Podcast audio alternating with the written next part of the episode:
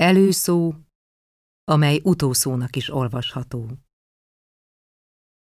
Kérdezzétek Konstantinápolyban, ki ismeri Zétát?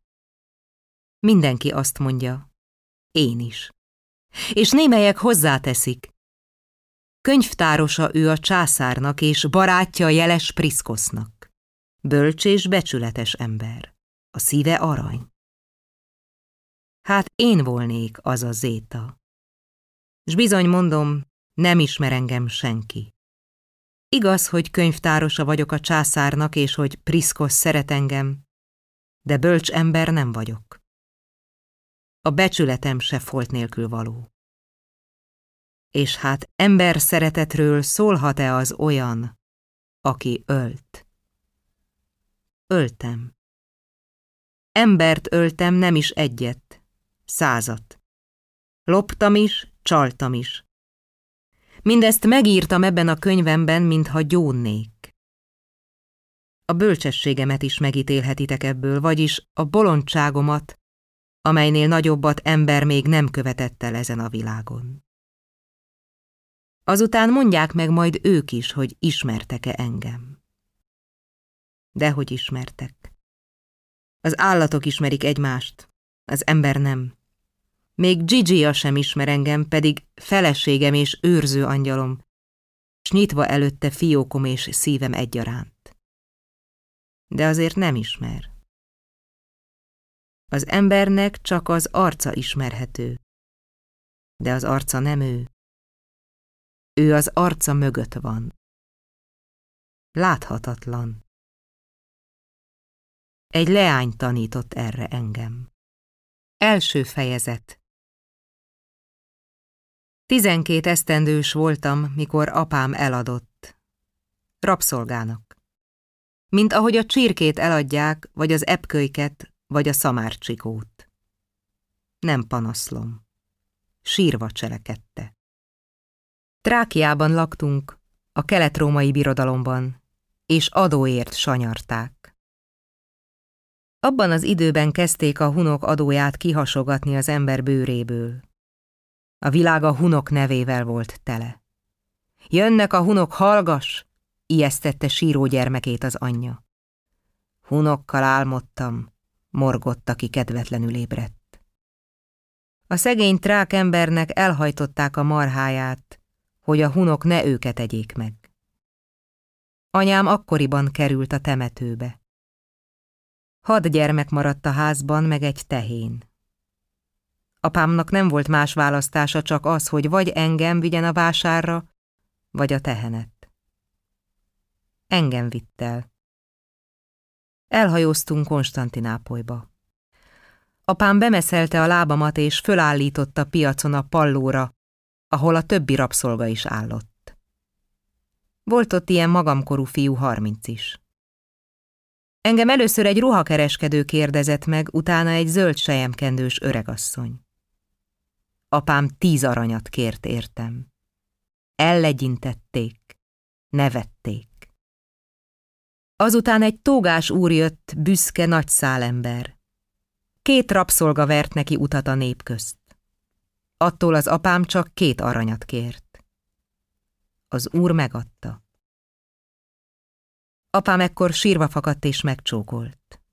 Isten veled, emlékezzél meg rólam, ha kedvez a szerencse. Mert azért adtalak olcsón ennek az úrnak, hogy a szerencsének mindig az útjában légy. Soha nem láttam többé az én jó édesapámat. Az úr, aki megvett, nagy méltóságú barna ember volt. A fejét úgy forgatta, mint a sziklán ülő sas.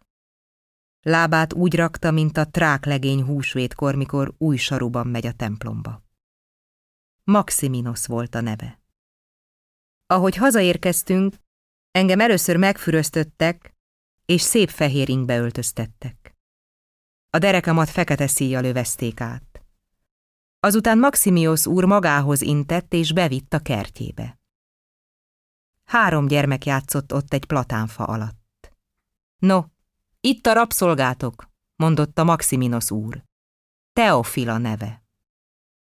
A gyermekek akkora formák voltak, mint én.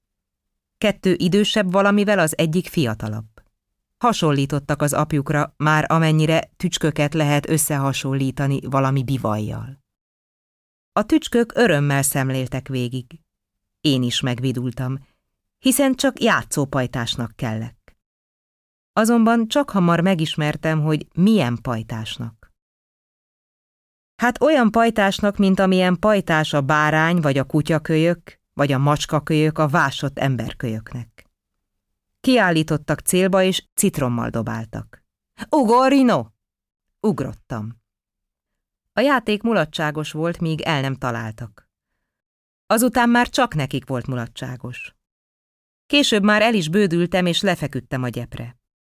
Akkor aztán csollánnal verték a lábam mesztelenjét. Megbőszültem. Rárohantam a legnagyobb fiúra, és úgy löktem egy fának, hogy a feje koppant. A fiúk elképettek. A legöregebb megfordult és befutott, a nevelőt hívta. Már akkor én is éreztem, hogy hibás vagyok valamennyire. De gondoltam, hívjanak bárkit, megmondom, hogy hogyan bántak velem a gonoszok. A nevelő csak hamar ott termett. Amint megértette, mi történt, elmeresztette rám a szemét. Uram, sírtam neki, ezek a fiúk bántottak engem. Nem vagy-e rabszolga? ordította az arcomba. Írtózatosan összevert. A házból a többi rabszolga is odafutott. Az egyiknek korbács volt a kezében. Az is megver, de úgy, hogy a vér minden csapásnál kiserkedt a bőrömből. Aznaptól fogva örökös nyaggatás volt a sorsom. Ha talán elfolytom a szenvedéseim kitörését, megunják. De én akkor alig tízesztendős voltam, s abban a korban nem színlel még az ember. Nem bírtam mást mutatni, csak a fogam haragos fehérét. Az ellenkezésem mulattatta őket. A rabszolga haragszik. Milyen kacagtató. A láncra kötött kutyával ingerkedik így a gyermek. Azt nem mondhatom, hogy az apjok és anyjok előtt is cudarkodtak velem. Csak mikor magunkban voltunk, vagy ha csak a többi rabszolga látta. Mennyire kivetkőzik a rabszolga az emberségéből. Ott láttam. Egyik sem merte őket megszólni, sőt, inkább velök nevettek. Kedves mulatságuk volt, hogy bekenték sárral, vagy még utálatosabb mocsokkal az arcomat, vagy kötelet kötöttek a nyakamba, s hóhérosdit játszottak. Akasszuk fel! A nagyobbik fölhágott a fára, és engem fölfelé húzott. A kisebbik fogta a kezemet hátul. A kétségbeesésem és az ordításom volt a mulatságuk. Vagy azt mondták, játszunk vakkoldust. Bekötötték a szememet és a szökőkúthoz vittek. Háttal állítottak a medencének, és átlöktek a vízbe. Vagy kutyát kötöttek a hátamra és verték. Az eba nyakamat és a fülemet harabdálta. Vagy összekötötték a két lábamat, s kényszerítettek, hogy ugrálva járjak. Mikor a rózsabokorhoz érkeztünk, belöktek a tövises bokrok közé. Vagy mikor a tengerparti sétán kísértem őket, bedobták a pálcájukat a tengerbe. Hozd ki! Nekem az nem volt nehéz, úgy úsztam, mint a vidra. Hanem mikor megfordultam, hogy kifelé ússzak, kavicsal dobáltak. Otthon az ételembe beleköptek, vagy szemetet szórtak belé. Az ágyamba sündisznóbőrt rejtettek a lepedőm alá. A hajamat leöntötték ragasztóval. És nekem mindezt tűrnöm kellett, mert rabszolga voltam. Sokszor kértem őket sírva. Úrfiak, játszunk szépen, ne kínozzatok engem, én sok játékot tudok. Tudtam is, játszottunk is. De aztán, ha megunták, megint csak az én jajgatásom volt a legérdekesebb játékuk. Tán tíz napja voltam már ott, mikor egy délben sietve megettem az ebédemet, s elbújtam. A kertben bújtam el, gondoltam, nem jövök elő, míg csak a tanítójuk nem hívja őket. Bebújtam egy sűrű tamariszkusz bokor alá, és elaludtam. Nem tudom, meddig aludtam ott, valami nagy kínra ébredtem föl. Az egyik lábam égett. Gyaluforgácsot tettek a lábam fejére, s meggyújtották. A három fiú szinte sikítozott a nagy nevetésben. Kiugrottam a bokor alól, s nekirontottam. Egyiket jobbra, másikat balra löktem. A harmadikat pofon csaptam, megtépáztam. A három kölyök három felé esett, magam is a fűre hemperedtem, és sírva nyálazgattam a lábamat. Az ordításra előfutottak a házbeliek. Az úr a ház erkéjén ült egy vendégével. Ő is lekiáltott a kertbe. Mi az? Válaszul az egyik rabszolga megragadott, és odavonszolt az erkély alá. Ez a kölyök, mondotta. Veri az úrfiakat. Láttam, mint sárgul el a gőgös nagyúr. Láttam, hogy a vendég iránt való tekintetből mint nyeli vissza magába a mérget, s miként int a fejével, hogy vigyenek el. Ebben az intésben benne volt az is, hogy megkorbácsoljanak. Uram, sírtam a térdemre esve, tűzzel égették a lábamat. Akkor annyira megvertek, hogy mozdulni se tudtam. Csak a könnyeim folytak szüntelenül. Talán négy nap is beletellett, mire fölkelhettem, kívánszoroghattam. Gondoltam, délelőtt van az úrfiak tanulnak, és ilyenkor nincs a kertben senki. Hát lementem, és lefeküdtem a gyepre a napra, mert a beteg állat szereti a napfényt. Ahogy ott nyugszom, látom, hogy a kertben az az idegen kövéres úr sétál, aki az úrral akkor az erkélyen beszélgetett. Csak egyedül sétált és gondolkodón. Amúgy is olyan fejfájós homlokú ember.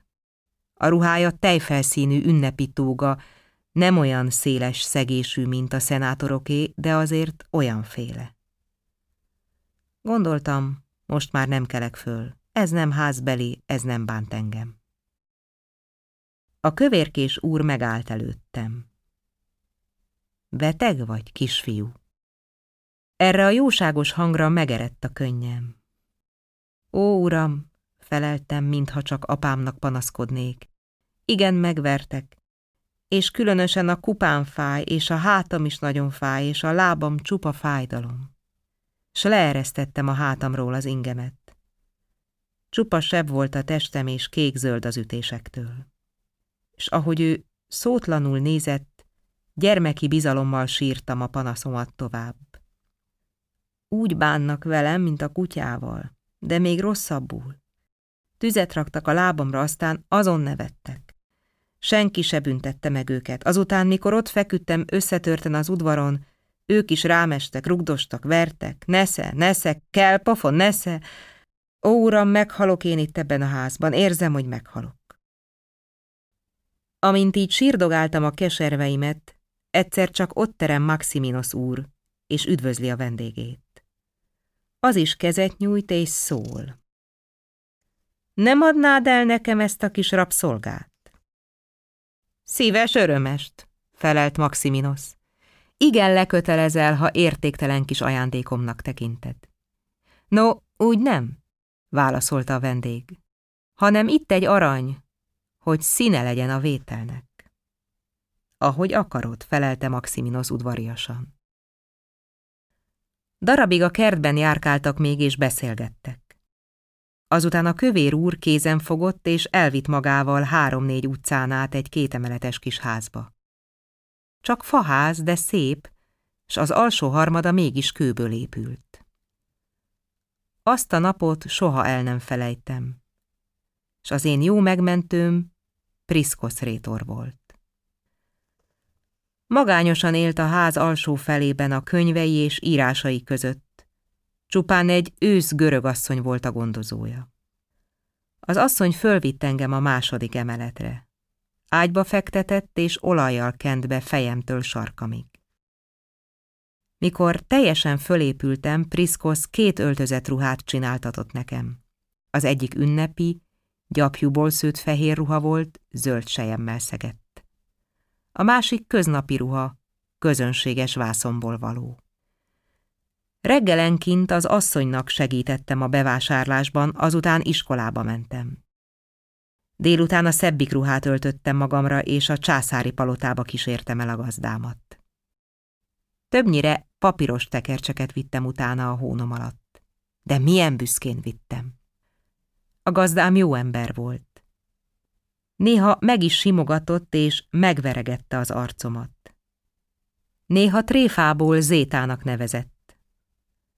Aztán, hogy ezt az asszony is hallotta, ő is Zétának hitt. Utoljára rajtam maradt a Zéta név. Később, hogy az asszony előregedett, az én dolgom is megszaporodott. Nekem kellett a gazdám ruháit tisztogatnom, a saruit festenem. Én jártam a piacra, a boltra. Az én dolgom volt a lámpás megtöltése, a söprés, porolás, mosogatás is. És én minden dolgot szívesen teljesítettem. A gazdám évről évre jobban kedvelt, és különösen azért, hogy könyveit, iratait érdeklődéssel gondoztam, porolgattam, tisztítgattam. A tanítón figyelmeztette egyszer, hogy valami ritka erős a memóriám. Az uram megpróbált. Elolvasott előttem két sort Homérosból, aztán négy sort, aztán hat sort. Elmondtam neki hibátlanul. Magam sem tudom, hogyan van, de a szavak úgy beleragadnak az elmémbe, hogy amit figyelemmel hallok vagy olvasok, az többé el nem felejtem. Már a harmadik esztendőmben másolásokra fogott. Nagy javamra vált az. A császári könyvtárban csupa tanult ember másolt.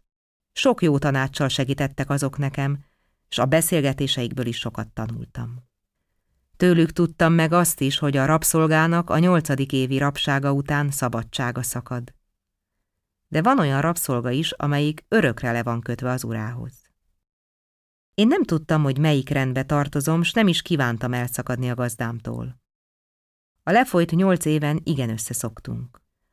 A gazdám akkor már nem csak a szolgálataimért szeretett, hanem azért is, mert filozófiai és történelmi témákról is beszélgethetett velem. Ismertem Plátót, Arisztotelészt, Hérodotoszt, Plutárkoszt, Svetóniuszt, a filozófusokat, grammatikusokat. Kicsiben, nagyjában minden tudományt ismertem. A gazdám mindig tőlem kérdezte írás közben a helyneveket, a dátumokat, az évszámokat. A császári levéltárban is én lettem lassanként az eleven kalendárium, a földrajzi szótár és névlajstrom. Egy reggel különös nekem, hogy a gazdám nem szól. Én szoktam őt beretválni, és én szolgáltam be a reggeliét is. A közben mindig elmondta, mit álmodott, s bár egyikünk se hitt az álmok jelentésében, mind a ketten találgattuk, hogy ugyan mit jelent. Hát mondom, egy kora tavaszi napon nem szól hozzám semmit.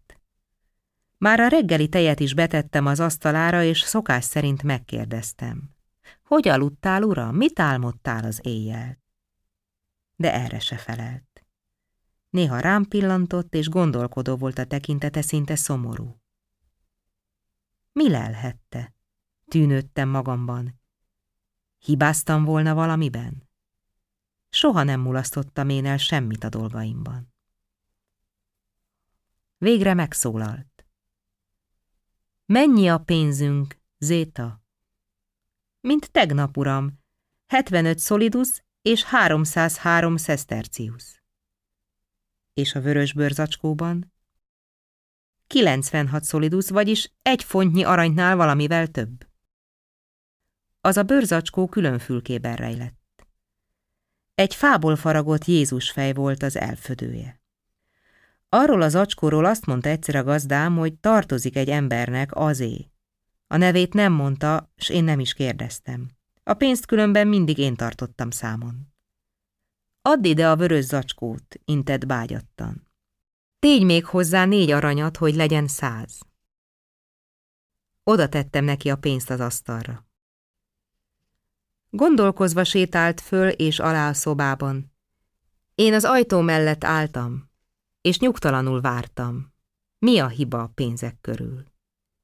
Akkor már nem volt kövéres, s ha kedvetlenítette valami, mély ráncok verődtek amúgy is fejfájósan barázdált homlokára. Egyszer aztán megáll és rám néz. Zéta fiam, tudod-e mi van ma? Szombat, feleltem készségesen. Április harmadika. Ezen a napon alapította Antiókia városát Szeleukosz Nikátor. Ezen a napon kezdődött Nagy Heródes fiainak az uralkodása. És ezen a napon halt meg némelyek szerint a mi urunk Jézus. Igaz. bólintott rá Priszkosz, és keresztet vetett magára. Tovább sétálgatott a szobában, aztán megint megállt. Ott van a naplóim között a 440. év. Tört fel a pecsétet, és nyis rá április harmadikára. Olvasd el. Kivettem az iratcsomót. Levertem róla a port, fölbontottam és olvastam hangosan. Reggel a császár hivatott magához. Hosszan tanácskoztunk a Marguszi békekötésen. A hunok királyára ugyan nem kötés, csak reánk, mireánk. Jaj ennek az országnak, ha az a barbár felénk fordítja a lova fejét. Délután Maximinoshoz mentem. Ott egy kis rabszolgát találtam. Embertelenül bántak vele. Magamhoz váltottam. A neve Teofil. A hangom elhalkult az utolsó sorokon. Zavarodottan néztem a gazdámra. Ma nyolc éve ennek, nézett rám Priszkosz nedves szemmel. Szabad vagy. Mintha melbe vágtak volna, de angyal kezével. Csak néztem, nyitogattam a szememet, ébren vagyok-e? Priszkosz fölvette a bőrzacskót. Íme, ezt neked raktam félre. Mától fogva süveget viselhetsz, házasodhatol, magad ura lehetsz, vagy beállhatsz katonának. Mától fogva csak annak köszönsz, akinek akarsz. A szemem könybe lábadt. Ó, jó uram, rebegtem térdre esve. Ne küldj el engem, ne adj nekem pénzt, hadd maradjak, ahogyan voltunk. Kelj föl, pillogott az öreg elérzékenyülten. Jól van, no. Valami szépet akart mondani, láttam a szeméről, meg az ajka mozgásáról, de csak mosolygott és pislogott, és a fejét csóválgatta. Hát ilyen bolond ember vagy te. Könnyezve feleltem. Neked köszönhetem, uram, hogy kiemeltél az állati sorból. Neked köszönhetem, hogy világossága van az értelmemnek. Nem korbáccsal neveltél, hanem jó szívvel. Szép ruhában járattál, asztalodhoz ültettél. S nem te tanítottál-e arra, hogy az ember csak a szívével érdemelheti meg az ember nevet? Bólogatott. Aztán elmosolyodott. Hát, eljössze velem a barbárokhoz. A barbárokhoz? S a szívem eldöbbent. Attilához! Oda ám, a lidérc egye meg, felelte a fejét csóválva Priszkosz. Egy pár nap múltával oda kell utaznunk. Leült és maga elé bámult. Attilához, ismételtem, mintha álmodnék. Mert ez az újság hihetetlen volt nekem.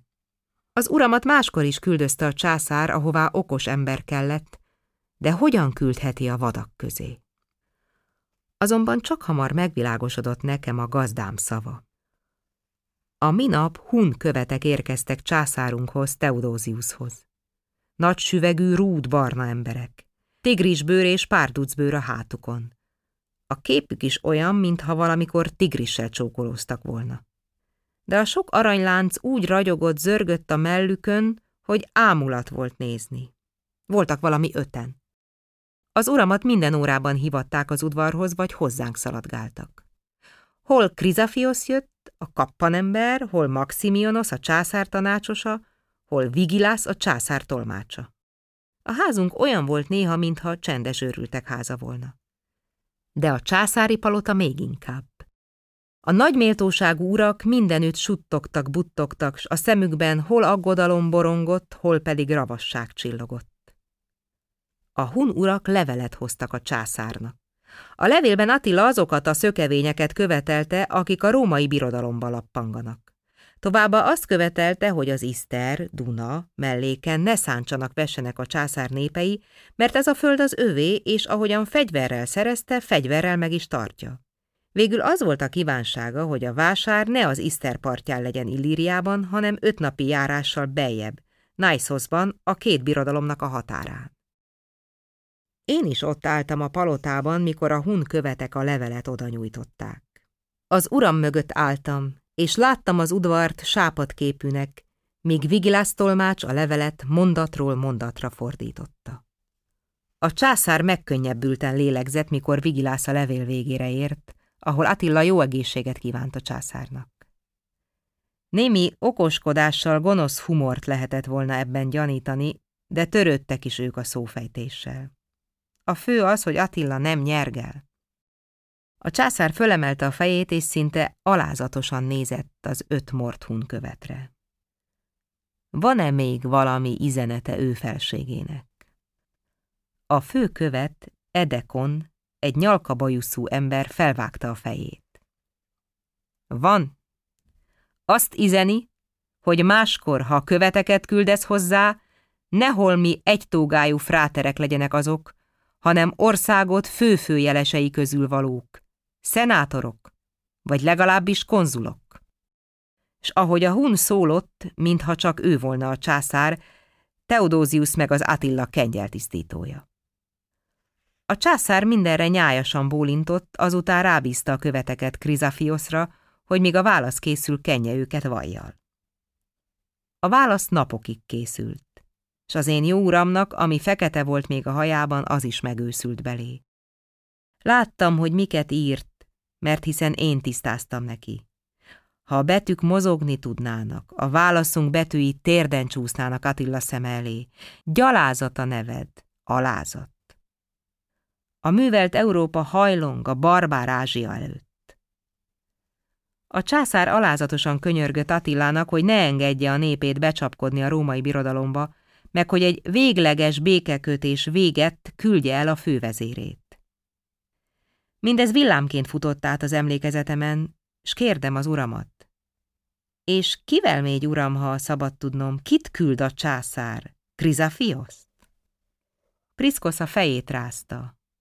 Nem, egy jobb képű embert, Maximinoszt. Tehát az első gazdámat. Követlek, uram, ahová mész, bókoltam szívem igaz érzésével. Aztán talán nem is olyan fekete az a hun, mint amilyennek festik. Gondold meg, most már, ha maradsz is, szabad vagy Zéta. Nem rendelkezem veled, gondold meg. Meggondoltam, uram. Azok az emberek vért isznak, embervért. A csatában fölhasítják az elesett ember mellét, és fogukkal harapják ki belőle a még dobogó szívet. Éreztem, hogy elsápadok. A vértől mindig írtóztam, ha csak emlegették is. Azonban az uramat annyira szerettem, hogy ha maradást parancsolt volna, akkor is elmentem volna utána. Veled megyek, uram, feleltem. Követlek akár a világ széléig. No, derék, mosolygott az öreg. Hát akkor csak szedd össze, fiam, amiket gondolsz, hogy elvigyünk. A virágaimat add ki az asszonynak, a szobát bezárjuk. Aztán nézd, itt van tíz arany. Ezen végy mindenféle fűszert, amit az egyiptomi kalmárok árulnak meg, egy-néhány krokodilus bőrt, meg egy piros szattyánt, részgyűrűket, fülbevalókat, mindent, mindent, amiről gondolod, hogy a vadak közt hasznunkra válik. De hát igazán eljössz velem? Ó, uram, Feleltem most már a szívemnek minden melegével. Az árnyékod is inkább elhagyhat, hogy sem én elhagynálak. Második fejezet Már ugyan kitavaszodott, mikor az Iszter vizében megitattuk a lovainkat.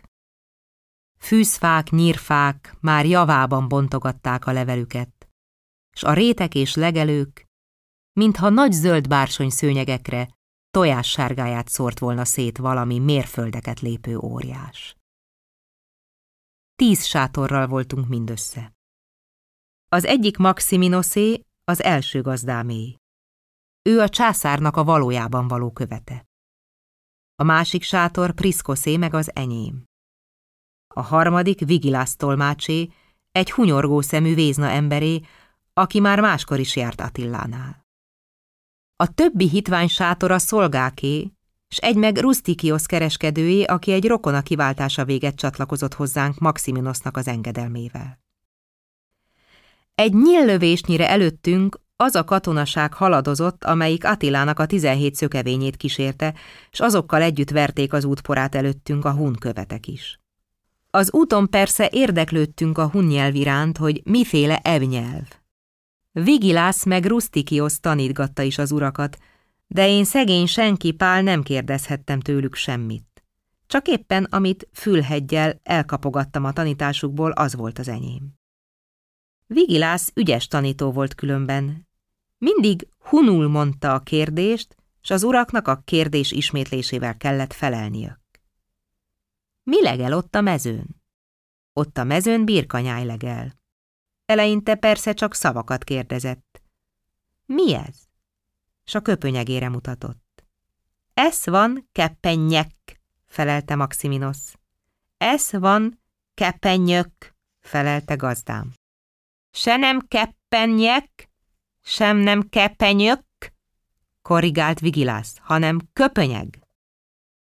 Hordja el a Manó ezt a barbár nyelvet, kitanulhatja meg, ha nem az anyja emlőjéből szopta. De nekem volt rá kedvem. Engedelmet kértem az uramtól, hogy hadd járjak elől a szökevények mellett. Valamelyik hunnal összebarátkozok, mégtán hasznunkra is válik. Priszkosz maga kísért el a századoshoz, és megkérte, hogy hadd járjak a szökevényekkel, hadd beszélgessek velük. Csak hamar kinéztem magamnak egy forradásos arcú kis hunlegényt, mert valamennyi hun mind forradásos arcú az. Mégis hát látszott, hogy fiatal, s az egykorúak könnyebben megértik egymást. Darabig szótlanul lovagoltam mellette. Azután latinul kérdeztem szép nyájasan. Quid nomen tibi est? Mi a neved? A hun rám fordította apró fekete szemét. Láttam, hogy nem ért. Egy szelet kenyér volt nálam, odaadtam neki. Gondoltam, a kutyát is kenyérre létesgetjük magunkhoz. És kérdeztem tőle hun szóval. Mi ez? A hun elmosolyodott. Nem vagy-e görög? mondta idegenesen ejtett görög szóval. Miért szólsz nekem hun nyelven, holott nem tudsz hunul? Tanulni, akarni, feleltem kérőn barátságosan. De jó volt, hogy görögül is értett. Könnyebben megegyezhettünk. Étellel, itallal segítem az úton, ő meg hunul tanít. Gyalog jártam volna mellette, de a ruhájának a szaga miatt lehetetlen volt, hát csak lovon maradva beszélgettünk. Mindjárt az első napon fölírtam valami száz névszót, meg néhány köszöntést, szólásformát. Jó napot adjon Isten! Erőt, egészséged! Isten áldja meg! Kérem! Köszönöm! Bocsánatot kérek! Merre az út? Nem harapós-e a kutya? S más eféléket. Már aznap este hunul köszöntem Rustikiosznak. Jó estét kívánom! Nem elkéstem-e tól vacsora? Rustikiosz nevette. Nézzétek már, mondott az uraknak. Ez a fiú reggel óta megtanulta a hun nyelvet. Csak tanuld, Zéta, biztatott örömszemmel a gazdám. Ki tudja, mire jó. S én buzgon tanultam, mintha más világon is csak a hun nyelven lehetne boldogulni. Ó, én vaksza már, micsoda hévvel dolgoztam a szerencsétlenségemen. A hunomtól néhány nap múlva már megtudtam, hogy Deél a neve, s hogy egy csát nevű főúrnak volt a szolgája. Az a csát pedig Attila fővezérnek a testvéröccse. Hát aztán mi rosszat követtél el, kérdeztem, hogy olyan nagy zsíros fazék mellől kellett elugranod. A legény búsan hunyt a szemén. Nem követtem el én semmi különöset. Mégis. Csak éppen, hogy van annak egy leánya.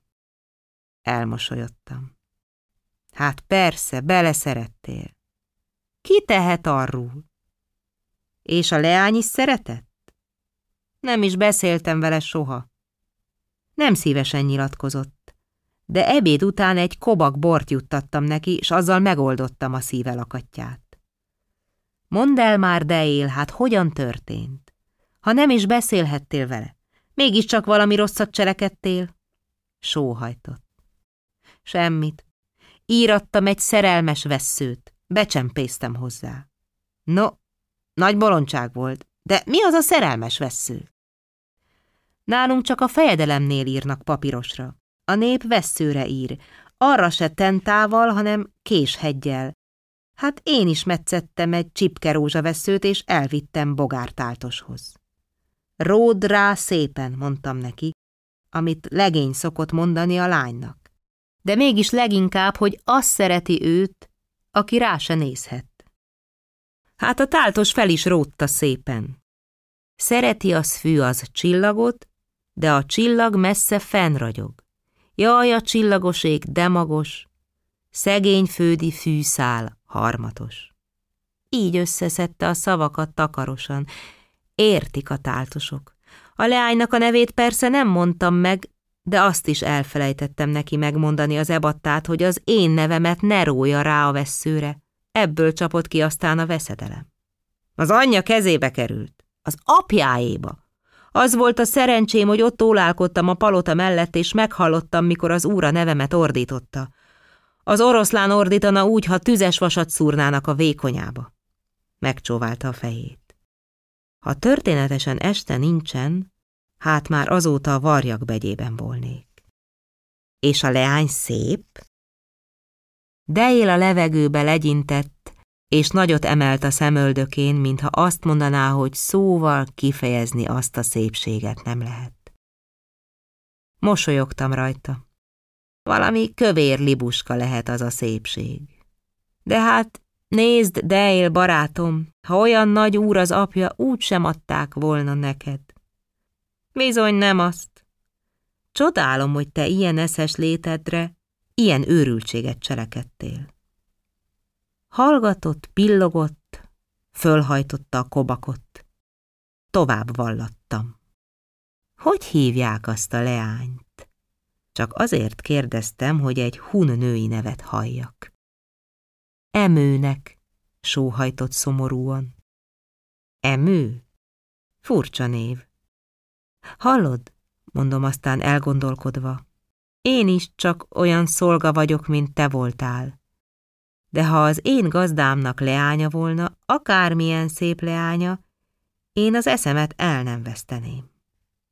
Nem felelt. Láttam, hogy fájdalmas már neki ez az ügy, hát másra fordítottam a beszélgetést. Hogy a határa érkeztünk, lovashun vezetők csatlakoztak elénk, s erdőkön, hegyeken kalauzoltak át bennünket. A harmadik héten síkföldre jutottunk, s azontúl mindig síkon jártunk. Már akkor érdekelt az út. Lépten nyomon újat láttam, s a hunokkal való beszélgetés öröm volt nekem. Végre eljutottunk Attila első telepére. Azt gondoltam, hogy valami nagy barbár város látok majd, és sok vadembert. De bizony csalódtam. Béke idején szanaszéjjel él a nép, s Attila körül csak az urak rajzanak. A hun nép pedig nem házakban lakik, hanem sátorokban, és éppenséggel nem harapós népség. Sok falun haladtunk át, s mindenütt ott láttuk a házak udvarán a sátort. A házakat persze nem ők építették. Ott találták, mikor bevándoroltak. De él magyarázta, hogy a házba csak csikorgó téridején húzódnak be, akkor is csak az asszonyok meg a betegek. Nem értem, mondottam Deélnek. A ház télen-nyáron jobb a sátornál, télen melegebb, nyáron hűvösebb. Minden holminkat jobban elrejthetjük, kincsünket is. Deél a fejét rázta. A ház egy helyhez foglalja az embert. Mikor házban kell hálnom, úgy érzem, mintha sírboltban hálnék. A sátor jobb, a sátor velem jár, a sátoros ember ott él, ahol akar. Nagy a világ és szép. Mán én nekem kicsi lesz nem sokára. Attila maga is sátorban lakott. Messziről láttuk már a pompás aranygombos sátort, amint a többi barnai szürke sátor közül kitornyollott. Fehér sejemzászló lengett az ormán. A sátorok között kékes füstoszlopok emelkedtek az égnek. A levegőben pecsenye illat szállongott. Trágyaszag is. Az idő dél felé járt. A néped nem koplal, ahogy látom, mondtam hunomnak. Igaz, hogy lóhussal éltek? De él vállat vont. Mikor, hogy? A lóhús jó étel, jobb a marha húsnál, de én már alig ha válogatok benne. S aggodalmas arccal szemlélődött a sátorok felé. Hallod-e, görög? szólott egy perc múltán. Te mind az úton jó szívvel néztél rám, ennem és innom adtál. Köszönöm, de még egy szívességre kérnélek, ha megtennéd. Csak mondd, és megvan, ha lehető. Hát, ha meglátsz majd engem valahol karóban, arra kérlek, jár oda éjjel, és ha még élek, gyakincsd a tőröd a mellembe. Nem beszélhettem vele többet. Elvitték a többi rabbal együtt Attila sátorai felé. Füves dombot láttunk a telep mellett, azon állapodtunk meg, s kis ideig némán szemléltük a síkot, amelyen vagy tízezer sátor tarkállott. A sátorok közül apró lovakon sok gyermek nyargalt hozzánk, bámultak és végszemmel nevettek bennünket. Többnyire fehér vászonruha volt rajtuk, és sem a lábukon nem volt saru, sem a fejükön süveg. A hátukon tegez volt, a vállukon vagy a kezökben így. A hun gyerekek, mint később láttam, napestig verebekre és fecskékre lövöldöznek. Míg meg nem szoktam az arcukat, azt mondtam, hogy rútak. Az orra valamennyinek be volt horpasztva, s az arcuk, mintha kutya marta volna meg kisdetkorukban, s annak a forradása látszanék. Annál szebbek a leánygyermekek. Azoknak az orra nem lapos, az arcuk meg olyan tiszta, mint a rózsa. Mindenféle piros ruha van rajtok, csak úgy bábúval játszanak, mint a milánykáink, de ők is mezitláb járnak, mint a kácsák. Lovon csak a fiúkat látni. Vigilász magyarázta, hogy a hun fiúk szándékosan vannak elcsúfítva. Az ilyen harcos nép büszke a sebeire. Minél ütöttebb, vertebb a képe, annál szebb neki. A hibátlan arc férfiban szinte csúfság. Csak a vezérek, fejedelmek arca lehet olyan, mert azokat nem foghatja fegyver. De nem is kapkodja a Huna csatában a fejét, mint más nemzetbeli. A dombon kiraktuk a sátorfákat és ponyvákat, azonban egy mérges hunlovas vágtatott hozzánk. Ránk hurrogott, hogy magasabbra merjük-e állítani a sátrunkat, mint a királyé áll. Akkor eszelkedtünk, hogy csak ugyan illetlenség lett volna. Azután megmutatták, hogy hol állíthatjuk föl a sátrainkat. Míg mink a sátorveréssel foglalkoztunk, három párducbőrös, medvesüveges hun ügetett hozzánk. Kettőt közülük már ismertünk, a nyalkabajuszú Edekon volt az egyik, a másik Orestes, szintén főúr, szintén gőgös, bár a képéről látszott, hogy nem hun eredetű. A harmadiknak a nevét később tudtuk meg, hogy Csát. Micsoda ügy hozott benneteket, kérdezte Csát szigorúan. Az urak rábámultak, hogy Vigilász eltolmácsolta a kérdést, hiszen tudhatja Attila. Az én uram mégis válaszolt. A császár, úgymond, a királyotokhoz küldött bennünket, mi tehát csak is ő neki felelhetünk. Azt gondoljátok-e, dörögte Csát, hogy mink a magunk fitoktatására jöttünk hozzátok? Minket a fejedelem küldött ezzel a kérdéssel. Csak fejedelemnek mondta Attillát. Nagy szuszú, borzas bagoly volt különben, s ő is olyan kutyaharapta képű, mint minden hun. Négy soros aranyláncfény lett a nyakában, a láncon aranykarikák és pénzek villogtak. Gyémántos görbe kardja maga megért egy kis országot.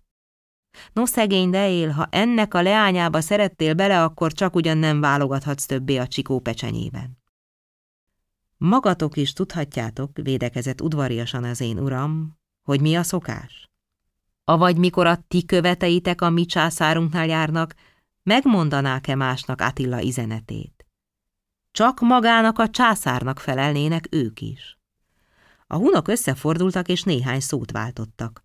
aztán nagy csörgéssel visszaügettek Attilához. Azt gondoltuk, hogy Attila buta barbár fejjel küldte a kérdezőket, hogy az uraink válasza után a homlokára csap, és azt mondja, bizistók jól beszélnek. Azonban nem így történt. A hun urak közül Csát és Oresztész ismét visszatért, és Csát nagy fennen megint ránk harsogott. Ha egyéb mondani valótok nincsen, csak amit mondottatok, azt izeni a fejedelem, fel is út, le is út. És ott hagytak bennünket. Maximinos úr szinte elkékült haragjában. Az én uram is elképetten nézett a lovasok után. Vigilás szinte pukkadozott. Így menjünk-e haza? Így vigyük-e haza a semmit? Attila ösmer engem, ha én vele szemben lehettem volna, rá tudtam volna venni, hogy hagyja békében az országunkat. A sátorokat már fölraktuk a szekerekre, és indultunk volna, mikor új követ üget hozzánk, s kiáltja már messziről. A király nem engedi, hogy éjjel induljatok. Ő meg már királynak mondotta Attillát, furcsáltam. Később értettem meg, hogy csak hozzánk alkalmazta a szót. Hát megint csak leraktuk a sátorokat, Attila egy ökröt és egy szekér halat küldött. Az volt a vacsoránk. Azután álomnak ereszkedtünk. Az én uram mind éten át hánykolódott, sóhajtozott, nyögött. Meg is kérdeztem, mi baja. Aludj, nyögte. Engem a szégyen gyötör, hogy egy barbár így packáz velünk. Uram, mondtam felkönyökölve, te okos ember vagy. Nem gondolod-e, hogy oka van annak? Mi oka volna? Gondolj csak vissza, uram, a jövetelünkre. Emlékszel-e, hogy az úton egyszer ebédre hívtátok az öt hun követet, aztán ebéd közben, hogy Teodóziusról meg Attiláról folyt a beszéd, Vigilásznak elcsúszott a nyelve. Részeg volt. Azt mondta, hogy nem való Istent emberrel együtt emlegetni. Mondom, hogy részeg volt, hiszen tántorgott is. Tántorgott, igaz, hogy tántorgott. A hunurak másnak megbocsátották neki. Megbocsátották, igaz. De ebből nem következik, hogy Attilának el nem mondták, hogyan gondolkodnak felőle Teodóziusnak a követei. Az én uram nem szól többet. Én elalszom. Reggel látom, hogy Maximinosszal a sátor előtt tanakodik. Aztán szólítja Rustikioszt is. Rustikiosz, amint említettem, velünk utazott, noha a követséghez nem tartozott. Jól beszélt hunul. Attilának az egyik íródejákjához jött, akit valamikor Écius ajándékozott a hun királynak, göndörgörög volt, negyven éves forma, mindig siető mozgású. A gazdám lóra ült. A lovat én vezettem kantárszáron. Rustikius csak úgy gyalogosan szedegette mellettünk a lábát a tavaszi verőfényben. Csátnak a sátorához mentünk. Én kün maradtam a lóval. Ők ketten bejelentkeztek. Mi dolga van az én uramnak csáttal?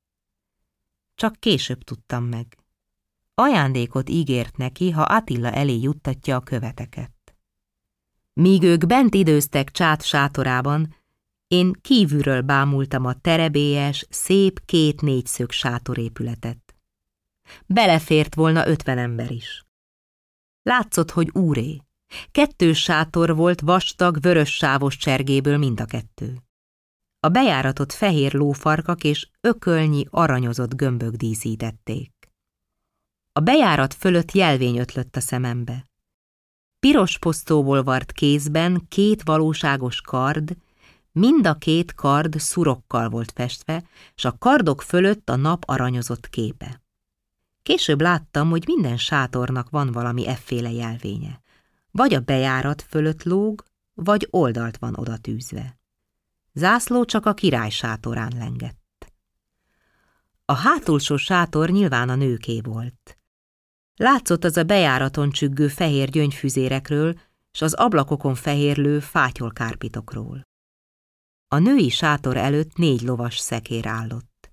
Szőnyegeket és ládákat raktak rája, tehát útra készülnek a nők. Soha se láttam olyan cifrára pingált faládákat. Nálunk a láda magas színű, ahogy a cédrusból kimunkálják. Szőnyeggel vagy kendővel borítják le, s nincs rajtok semmi díszítmény. Bezzeg a barbárok telepingálják rózsával, tulipánnal, pávaszemmel. Na, furcsa.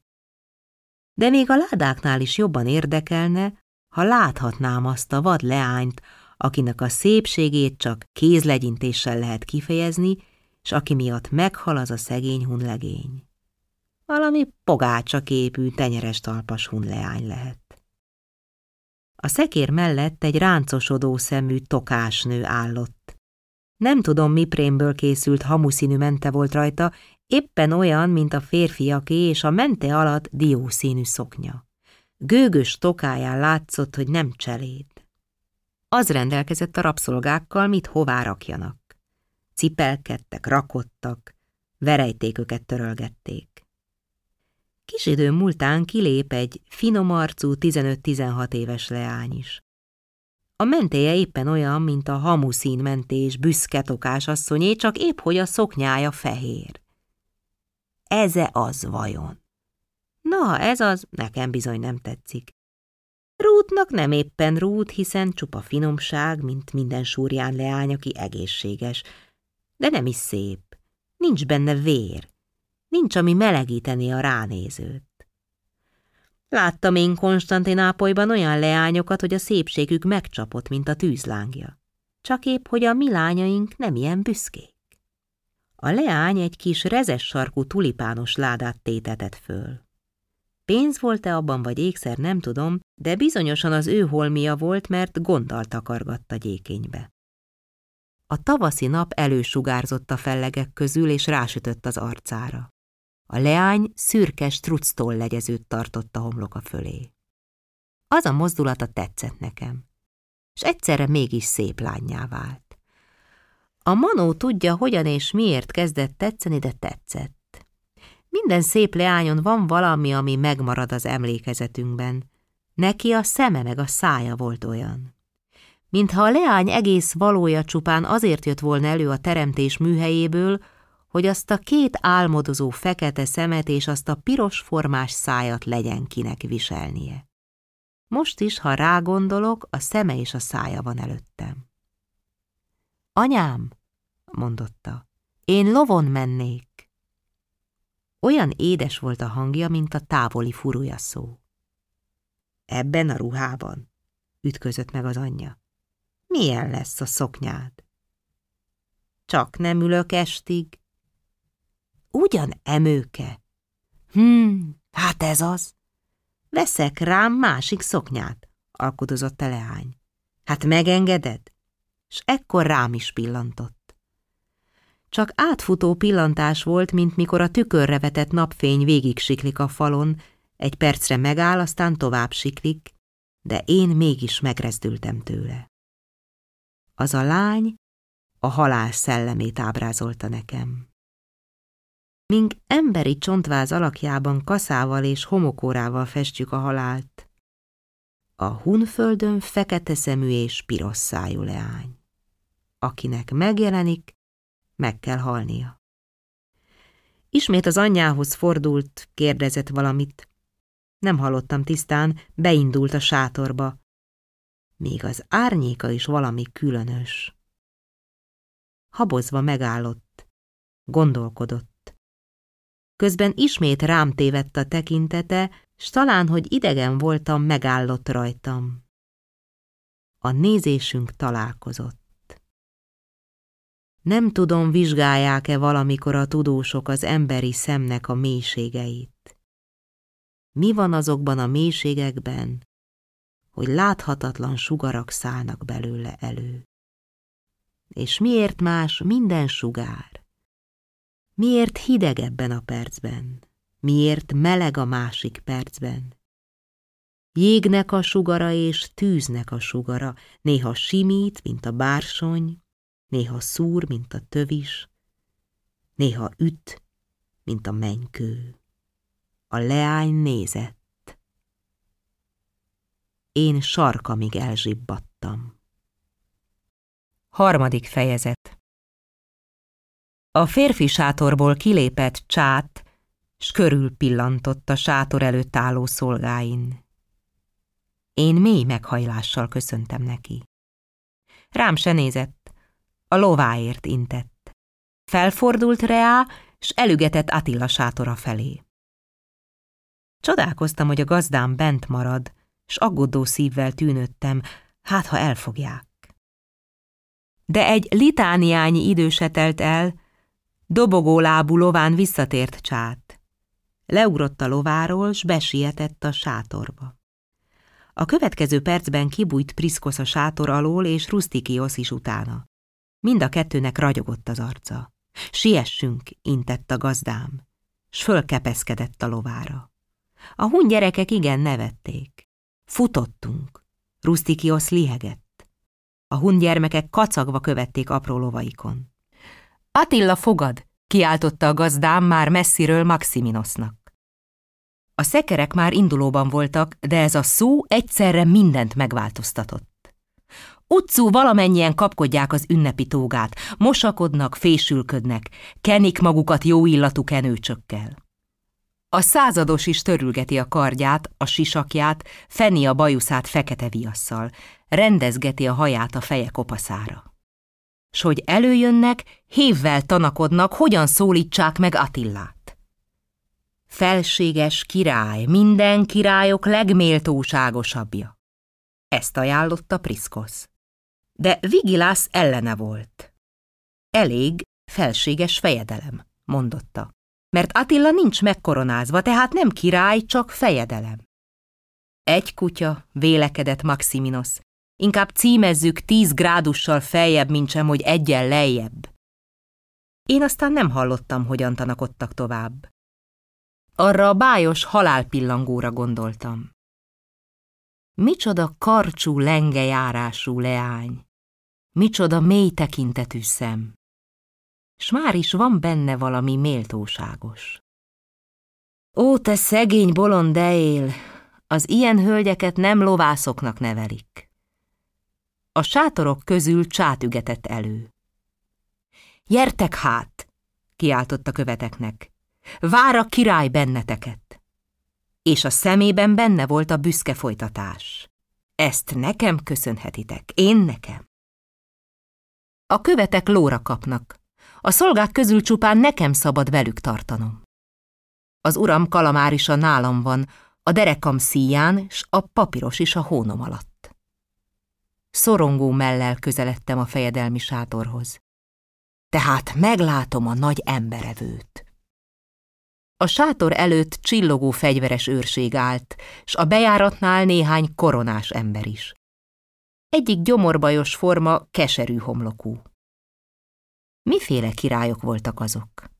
Csak később tudtam meg. De igazi királyok voltak. Attila úgy bánt velük máskor, mint a barátaival szokott, csak mikor követeket fogadott, akkor kellett odaállniok az ajtaja elé. Koronásan. Mikor a sátorba beléptünk, már előre készítettem rá a szememet, hogy templomi fényességbe lépünk. Attila valami aranyos barbár istennek lesz öltözve, s aranyrudakból rakott trónuson fogad bennünket, hermelin palástban mezitláb, a lábujjain gyémánt gyűrűk. Már előre vonaglott a száma nevetésre. De hát minden másképp történt, mint ahogy elképzeltük. Egy dísztelen kis terembe léptünk, amelyet valami hideg bagaria bőr szakhatott által.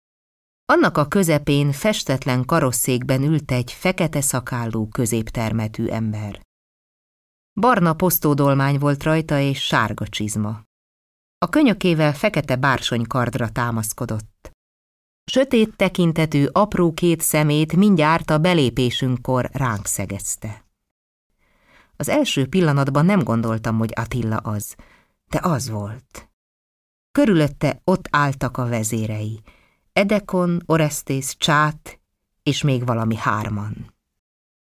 Mind piros egészséges állat, csak az egy Attila sápattas, mint a pergamen.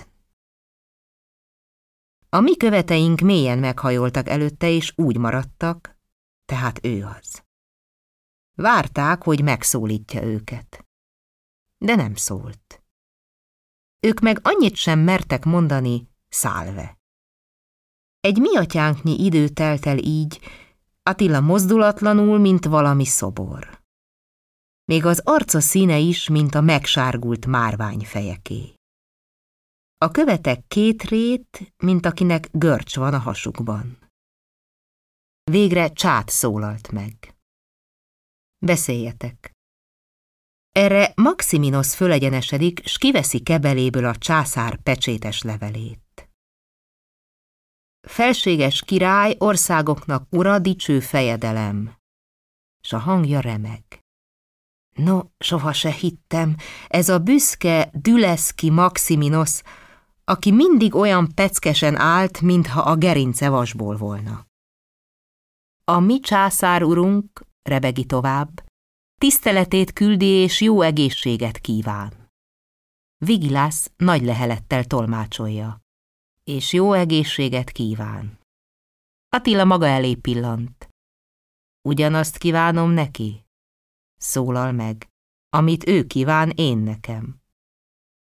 A hangja olyan volt, mint valami nagy darás dongása, mikor szobába téved, s körül dong. Félelmes hang. Csak később, hónapok múlván értettem meg, hogy Attila szavai mögött micsoda gondolat vetett árnyékot, mikor ezt mondta. Kívánom, amit ő kíván én nekem. Elfogadta a levelet Maximinosztól, s a szeme Vigilászra villant. Orcátlan ebb, robban reá. Hogy mersz a szemem elé jönni? Avagy nem te tolmácsolta-e azt az akaratomat, hogy addig én hozzám követ nem ásszon, amíg a szökevényeket mind ki nem adjátok? És a hangja olyan volt, mint az oroszlán ordítás. Vigilász majdnem lerogyott ilyettében.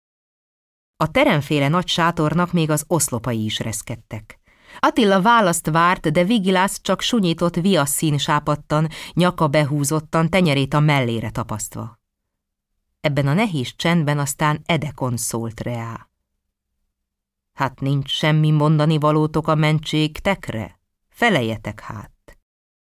Felséges király, hebegte kék ajkal vigilász, a császár minden szökevényt ide kísértetett.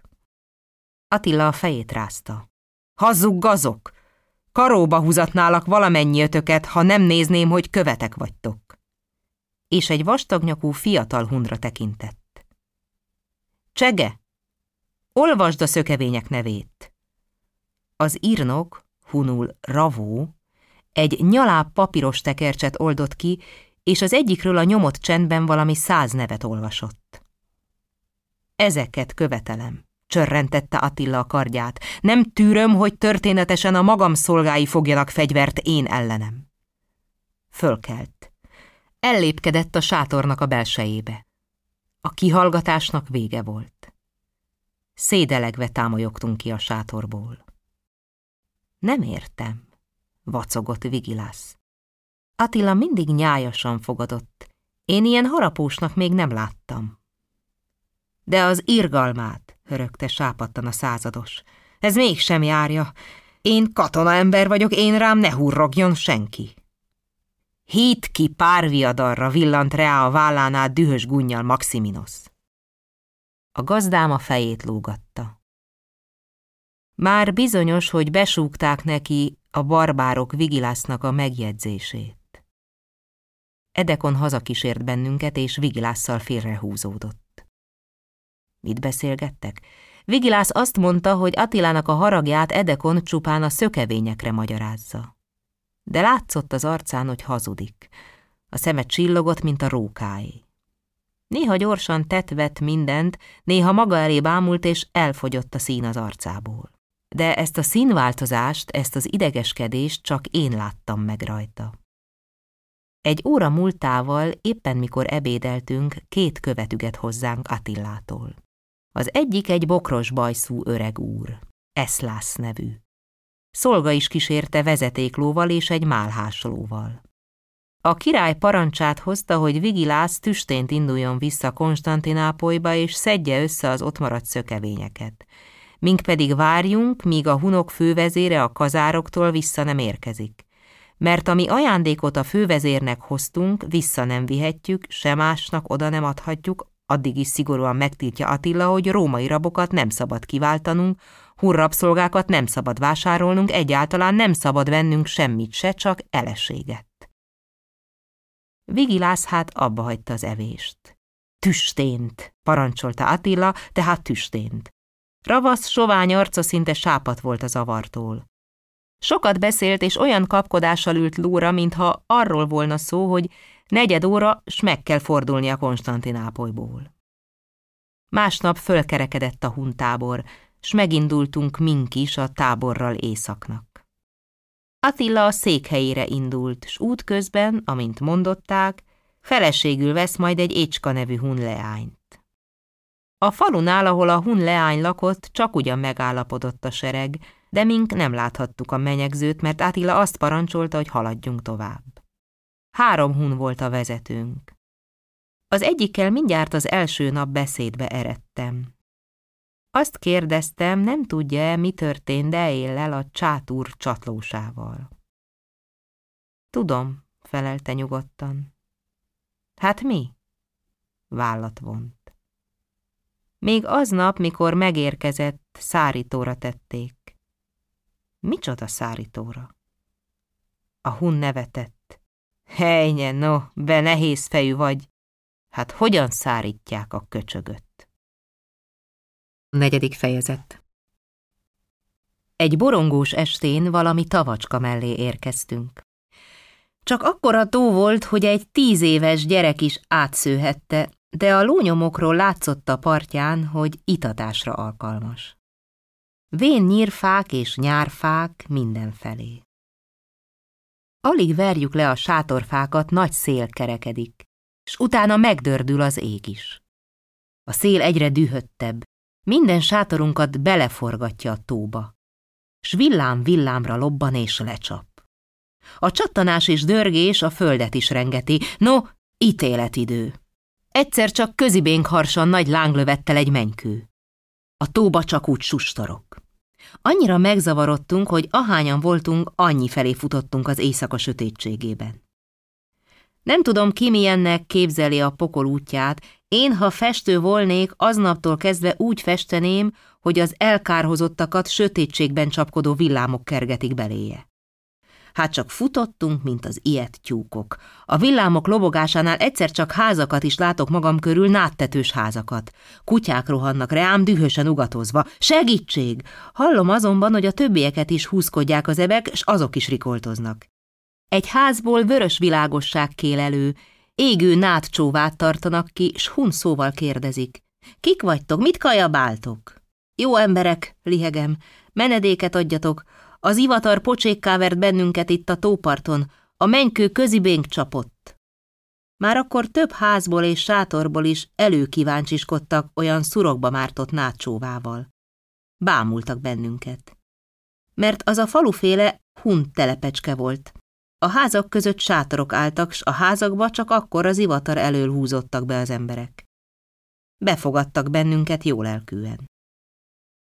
Minket az urammal egy sok gyermekes huncsalád tessékelt be. A gyermekek a szobában aludtak, nekünk a pitarban tüzet rakott a gazda. Szárítkoztunk. Az uram alig állt a lábán. Nem elég, hogy bőrig ázott, hanem még a térde is vérzett. A hun olyan rettentő mérges pofájú ember volt, hogy az uram még véres térdel is rémülten hőkölt meg tőle. Én azonban már sejtettem, hogy a rettenetes ábrázatok mögött báránylelkek laknak. Békében legalább bárányok. Hát nem is harapott meg bennünket, sőt, ő kínált meg harapnivalóval, kenyérrel és szalonnával. Mink azonban nem voltunk éhesek. Az uram csak feküdni kívánt, én meg a ruhámat szárítottam. A hun segített benne. Rakta szívesen a nádat a tűzre, s közben kérdezgetett, hogy kik vagyunk, mi áradban forgunk azon a vidéken. Tőle tudtam meg, hogy Buda király egyik özvegyének a falujában vagyunk. Buda király Attilának a bátyja volt, s nem régiben halt meg. A fehér hunoknak volt a feje, mint ahogy a fekete hunoknak Attila. Halála után a fehér hunok is Attilához csatlakoztak. Hát mi a különbség a kettő között? Csak annyi, felelte, hogy a fehér hunok fehér birkának a bőrét viselik, a fekete hunok meg a feketéjét. Nyáron nincs köztük különbség. Az én hunom is fehér hun volt, a neve Zsadán. Az özvegy királyné még azon éjjel megtudta, hogy miféle vendégeket hajtott az ivatara falujába. Nem telt belé egy óra, már ott voltak a szolgái. Lepedőket hoztak, meg száraz medvebőröket, s egy csobolyóbort, meg egy tál hideg vaddisznósonkát. Mennyei üdvösség, mondta az uram a száraz meleg ruhára. A borra már nem is volt szava, csak hála tekintete az égnek. Beletakaródzott a medvebőrbe és lefeküdt. Én is. Másnap, mikor megvirratt, vissza kimentünk a tópartra. A sátraink ott úszkáltak a vízben, a lovaink szanaszéjjel. A hunok akkor már javában fogdosták a lovakat, súzgálták kifelé a sátrainkat a partra. Ugyancsak csodálkoztunk, hogy nem veszett el egy gombunk se. No, azt mondja a gazdám, világéletemben sok földet bejártam, de ilyen emberséges népre még nem akadtam. Bontsd elő az ünnepi tógámat. Budáné asszonynak kezet csókolunk, ha mezitláb jár is. És hát az urak el is mentek. Vittek a királynénak három ezüst kejhet, három karmazsimbört, egy kis kosár indiai borsot, fahajat, sáfrányt és pálmadiót. Mink addig a sátorokat tisztogattuk. A nyírfák alatt a tó körül lépten nyomon nyílt a gyöngyvirág. Szedtem egy csokorra valót az uramnak. Hanem, hogy sokáig oda jártak, mink is benéztünk a faluba. Az idegen nép látása mindig mulatságos. Az meg éppenséggel gyönyörűség, ha barbárokat láthat a művelt görög. Voltak éppen maga magát szemléli, hogy mennyivel különb. Az út még sáros az éjjeli zivatartól, de azért gyerünk. A faluban az egyetlen csinos épület Budánénak a háza, de az is csak fából való, szétszedhető, talán négy szoba, ha van benne. Az épületet vagy tíz sátor környezi, úri sátorok is, azok között van egy négyszögű. A tetején aranygömb csillog. A nyílását csikóbőr takarja. A csikóbőr fölött vörös posztókézben két fekete kard, s a kardok fölött a nap aranyképe. Elnyílt a szemem, hiszen ez a csát család jelvénye. De mi állt én belém, hogy így megdobban a mellem, mi nekem avval a leányjal? Ha annyira van is hozzám, hogy a ruhája is hozzám ér, akkor is távolabb van tőlem, mint a világ nyugati széle a keletitől. Elfordítottam a szememet, és egy csoport hun embert vizsgáltam. Miért ülnek ezek örökkön lóháton? Az egyiknek sárga és szőrös a csizmája. Látszik rajta, hogy szarvasbőrből készült, talán azért hagyta rajta a szőrt is. Beszélgetnek, nevetgélnek, hevernek is a lovon félkönyéken, mint mink a díványon. A lovak száján abrakos tarisznya. De egyszer csak arra eszűdök, hogy megint a sátort bámulom. Egy fehér szakálú akhun ül a sátor előtt a gyepen, jobban mondva bölénybőrön. Az öreg úrnak annyira horpadt az orra, hogy csak szívességből mondhatjuk ornak az arca közepét. Valamikor buzogányal ütöttek tárrá. A félkeze is hiányzik. Ilyen csonka-bonka öregeket később gyakorta láttam. Hát ül az ag úr a bőrön, két kisgyermekkel játszik. Az egyik gyermek hat éves, már forradásos képű, a másiktán három még csúfítatlan. Az idősebbiknek kis teknősbék a pajzsa van a hátán, s fakard az oldalán. A kisebbik csak ingben hempereg az öreg úr mellett. Mert hogy úr, a hajáról láttam. A rabok haja borzas, mint a pemet. Az urak haja három csombókba rendezett, egyik fönt a homlokon, kettő a halántékon, egy nagy süvegű, szakállas őr áll a sátor előtt. Lomhán áll ottan. A dárdája a földbe van tűzve, s ő jobb könnyéken támaszkodik reá. Egyszer csak hangot hallok a sátorablakból. Sugár, sugárkám! Édes rezzülés járt át. Valami olyan érzés, mint mikor tavasszal a langyos szellő besuhan a napon fekvő beteginge ujján, s valami kellemes borzongást érez végig a bőrén. A kisebbik gyermek fölmosolyog az ablakra. Emőke áll ott. S egy perc múlván ki is lebben. Fehér ruha van rajta, piros csizma a lábán. A haja egy ágban fonottan hull hátra. leért a derekáig. Tejet hozott egy kis ezüst szilkében. Utána egy tizenhárom éves forma mezítlábas rableányka valami süteményt. Sárga volt az a sütemény, mint a narancs. A gyermekek itták a tejet, és kedvel falogatták a süteményt. Mellettem egy Nigró nevű rabszolga állt, Maximinosznak az egyik rabszolgája Szerecsen. Megtaszította könyökével. Nézd, susogta. Micsoda takaros! Bántotta megjegyzése, nem tudom miért. Emőke letelepedett a bölénybőrre, és az ölébe vonta a kis porontyot. Körültörülte a száját fehér kendővel, s nagyokat csókolt a gyermek pufók orcájára. Kedves, te kedves! Gyere, rántom meg Nigrót, gyere már haza. Nézzük még, jó lenne hozzánk belső lánynak. Gyere! No, no, csak ne szorítsd úgy a karomat, miért haragszol? Magam sem tudtam. Megrútult előttem Nigrónak az arca. Szerettem volna pofon csapni. Ötödik fejezet Déltájban az urak is hazatértek. Öt megterhelt hunrab kísérte őket. Az egyik borjút cipelt a nyakán, a másik lisztes zsákot, a harmadik két nyulat. Az urak vidámak voltak. Zéta, mondja az uram, mikor a virággal eléje léptem. Téged fölmentelek az ebédkészítéstől. Eredj és szedj még gyöngyvirágot, sokat. Elviszed délután a királynénak. Hát én egy óra nem telt belé, szedtem is egy nagy kosár gyöngyvirágot. Szedtem közéje ibolyát is, és néhány szép páfrányt és fűszálat, s magam mulattából már a kosárban elrendeztem. Olyanná vált a kosár, mint egy szekérkeréknyi menyasszonyi csokor. Ejnye beszép, örvendezett az uram, ezt így, ezen kép vidd el neki. Csak még egy-néhány marok füvet szedj, hogy a kosár szélén lelógjon, és semmi se lássék a kosárból. Elkészülök. Teszem a kosarat a fejemre. Vigyeltán nigró, mondja Maximinos. Szerecsen úribb. Éreztem, hogy elsápadok. Uram, rebegtem alázatosan.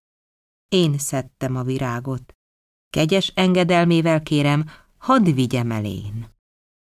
Nem tudom, hogy miért nem ütöttek meg a szemtelenségemért. Az uraknak jó kedvük volt, nem gondoltak velem. Csupán a rabszolgatársaim bámultak, s különösen Nigró. De hát rendjén valónak érezték, hogy aki fáradozott, az lássa a borra valót. Mikor már aztán az úton voltam, magam is bosszankodtam magamon, de már késő volt. Megfogadtam ott csáték sátorára, rá se nézek. A sátor valami ötven lépésnyire állt a királyné házától, és keskeny kis patkósan hajló gyalogút vitt hozzá. A gyalogút az esőtől felázott, és vékony habarék sárborította. Mi közöm nekem azzal a sátorral, gondoltam, rá se nézek. De mikor már az út közepén voltam, arra gondoltam, hogy miért ne nézném meg még egyszer a halál kisasszonyt. Úgy se látom többé az életben soha. És hát a holdat is nézheti mindenki, ha el nem is érheti soha. Leemeltem a kosarat a fejemről, mintha csak azért állanék meg, hogy elfáradtam, és a hónom alá vettem a kosarat, és megfordulok a sátornak. Hát látom, hogy az a tizenhárom éves forma kis rableány, aki délelőtt a süteményt hozta ki a gyermekeknek, most egy szakajtókosárból homokos szárazföldet hint az útra. No, nem elég. A hintése csak a harmada utat javította meg. Visszatér. És ekkor lép ki a sátorból emőke. Csak az a ruha van rajta, amelyik az előbb. A haját azonban hosszú fehér hátrahajló fátyollal takarja. Összefogja a fehér szoknya alját, és óvatosan lépkedve megindul. Megindul felém. Én felém. Ha behunyom a szememet, ma is látom, amint a két kis piros csizma tip-top lépeget könnyedén kedvesen. És az a barackvirágszín finom arcocska, az a mélázó szép fekete szem, az a finom metszésű ajk, közeledik, közeledik, felém közeledik. Lép, lépeget. Mikor a beporozott útnak a sárosához ér, megáll. Megáll, mint az erdőn sétáló őz, s fölemeli fejét. Láttam, miért állott meg.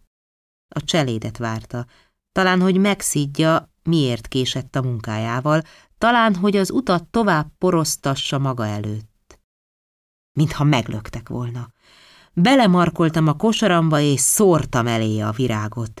Rá se néztem, mintha nem is neki csinálnám, csak mentem előtte, és a kosarat rázva hintettem a virágot az út sarára. A virág elég volt a királynő lépcsőjéig. Megálltam. Az arcom úgy égett, mintha tüzes kemence szájánál állanék. A szívem lükögve vert. Nem mertem felnézni, csak álltam, mintha valami gonoszságot követtem volna el, s büntető bíró előtt állanék.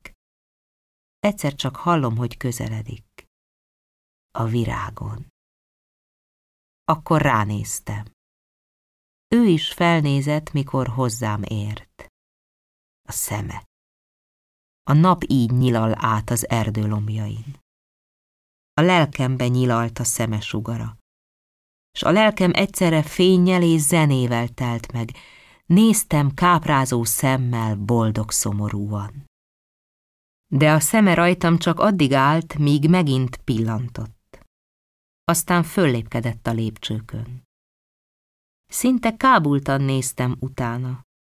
Csak mikor már eltűnt, akkor gondoltam arra, hogy valamelyik hun leszúrhat ezért a tettemért. De nem bántott senki. A lovasok egykedvűen beszélgettek tovább, csak a vénőr nézett, de az is egykedvűen. Vélte talán, hogy parancsot teljesítettem. Úgy indultam vissza, mint aki részeg. A falu végén gyermekkiáltást hallok mögöttem. Hé, hé, szolga! Megfordulok. A kis rableányt látom, aki emőke előtt az utat hintette. Nekem integet. Értesz-e, hunul? Lihegi. Értek, felelem, mint aki álmából ocsúdik. Keveset. A kisasszony azt mondta, hogy jár vissza, áld valamit a szolgálatodért. És nevetett. Csúnya véznak is barna leány volt, és arca piszkos is.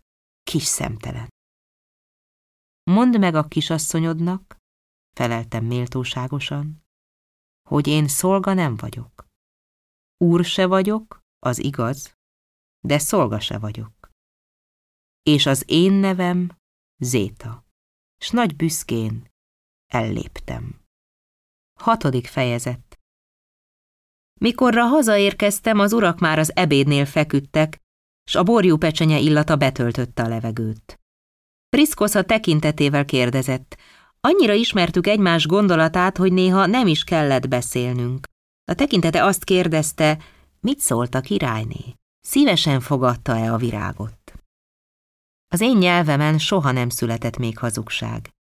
Priszkosz belém nevelte, hogy a hazugság utálatosabb minden más mocsoknál, s én magam is megvetettem minden embert, akit hazugnak ismertem. A királyné, feleltem, elnézve a feje fölött, nem beszélt ugyan velem, de köszönetét küldi. Vártam, hogy a föld megrázkodik erre a hazugságomra, vagy hogy a nyelvem kiszakad gyökerestül, de egyik se történt. Az urak vidáman beszélgettek tovább, és én is leültem a sátor elé zavartan, és piszkos lélekkel, hogy ebédeljek. Azon az éjjelen rosszul aludtam. A gazdám is nyugtalan, mióta Hunniában járunk. Én csak azóta, hogy azt a leányt láttam. Nincs se éjjelem, se nappalom. Éjfél felé azt gondoltam, javában alszik már a gazdám, mikor egyszer csak megszólal. Mi bajod? Miért sírsz? Ki ütött meg? A kérdése annyira meglepett, hogy percekig nem szólhattam. Ó, uram, feleltem végre, én igen szerencsétlen vagyok. Kibántott? s hogy erre nem feleltem, felült az ágyában. Bizonyal mondom, hogy akárki bántott, megkeserüli. Nem bántott engem senki, uram, csak éppen elgondolkodtam a sorsomon. A sorsodon? Döbbent rám a gazdám. Hát olyan siratni való a te sorsod. Ne érts félre, uram, a te jóságod éltető napfényem nekem, és én meg sem érdemlem, hogy rám nézz. De ha elgondolom, hogy már gyermekkoromban szolgaságra kerültem, és hogy hiába szabadítottál föl, csak szegény ördög az én nevem, abba hagytam. Éreztem, hogy a gazdám csodálkozik a szavaimon, és hogy én bolondokat beszélek. S valóban némi hallgatás után az uram megszólalt. Azt hittem, ismerlek téged, Zéta fiam. Hiszen úgy láttam a növekedésedet, mint azét a ciprusét, amelyet aznap ültettem, amikor téged magamhoz váltottalak. De ebben az órában nem ösmerek rád. Zéta, nem tudom, micsoda gondolatok kavarognak a lelkedben és elhallgatott. Elaludt. Én meg azon gondolkoztam, miket hazudjak holnap. Azt mondom majd, hogy rosszat álmodtam, bika üldözött és tiport álmomban. Eközben néztem a csillagokat a sátornyíláson át, és néztem emőkét, mert ha behunyom a szememet, mindig látom őt. Látom, amint fehér szoknyában, piros csizmában aprón lépked a gyalogúton, és ahogy hozzám érkezik, reám emeli méltóságos, fekete szép szemét. Hetedik fejezet Alig pitymallott, felkürtöltek. Maximinos rendelte, hogy hajnalban induljunk a további útunkra. Álmatlanságtól zavaros fejjel kötöztem össze az ágynemünket, és segítettem a sátor elbontásában de aztán mégis szakadt néhány percem, hogy beleugorhattam a tóba és megfrissülhettem a vizében. Aztán hát lóra. A királyné palotája előtt haladtunk el, de persze én nem a királyné palotáját néztem. Csáték sátora előtt is szekerek álltak. A rabok bontották a sátort, göngyölték a hosszú rudakra. A belső szőnyegekkel már tevék álltak ott nagy batyujokkal. Tehát ezek is jönnek. Talán ugyanazon az úton jönnek, amelyiken mink. Az első percben újjongtam, aztán megint okosságra igazítottam az eszemet. Hát megőrültem-e én, hogy lelkem minden gondolatával egy olyan leány körül szédelgek, aki mellett maga a hóhér örködik. Az úton mégiscsak elelmaradoztam. Minden útkanyarulatnál megállottam és visszanéztem. Jönnek-e már? hiába való volt minden magam okosítása. Valahányszor azt határoztam, hogy az uram mellett maradok, s nem törődök többé a leányjal, kis idő múlván láthatatlan kalapácsverését éreztem a mellemen. Csak még egyszer, csak még egyszer szívhassam föl szememmel, mint a nap a harmatot, hogy még a sírom éjszakájában is ő lehessen az álmom. Jönnek-e már? Megint elmaradtam az uramtól, és visszafelé lovagoltam. Vissza-vissza, ameddig csak nem találkozom vele. De látnom kell őt, ha el is veszítem a gazdám nyomait.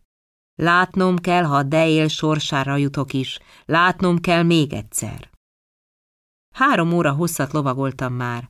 A nap szinte felhőtlen égből sugározta be a tavaszi zöld világot. A tisza fölött gólyák kanyarogtak. Végre megpillantottam az úton poroszkáló hunszolgákat és velük a szekereket. Néhány fegyveres hun elől. A napfény úgy szikrázik a lovuk kantárkövein, mint kovács ülőn az izzóvas.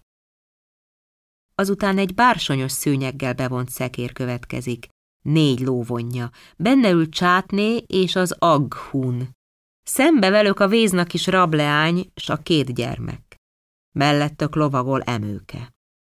A szekér után valami húsz rabszolga. Csak léptetést mentem feléjük, és mikor hozzájuk értem, leszálltam az út mellett a lovamról, és álltam tisztelettel. Mi az, hé? kiáltott az egyik hún. Tán elvesztettél valamit? Mert hogy a római követségből vagyok, megismerték a ruhámról. El, feleltem készségesen. Egy sátorkapcsot vesztettünk el. Nem láttátok-e? S hogy a csáték fogata is odaért, mélyen meghajoltam. Mikor odább mentek, fölemeltem a fejemet, s a leányra néztem. Férfiasan ült a lovon, de a szoknyája olyan hosszú volt, hogy elől-hátul a lovat is takarta. A fején könnyű, turbán alakú patyolat, az arcán átlátszó fehér sejen fátyol. Mikor fölnéztem, elfordította rólam a tekintetét, s léptetve lovagolt tovább.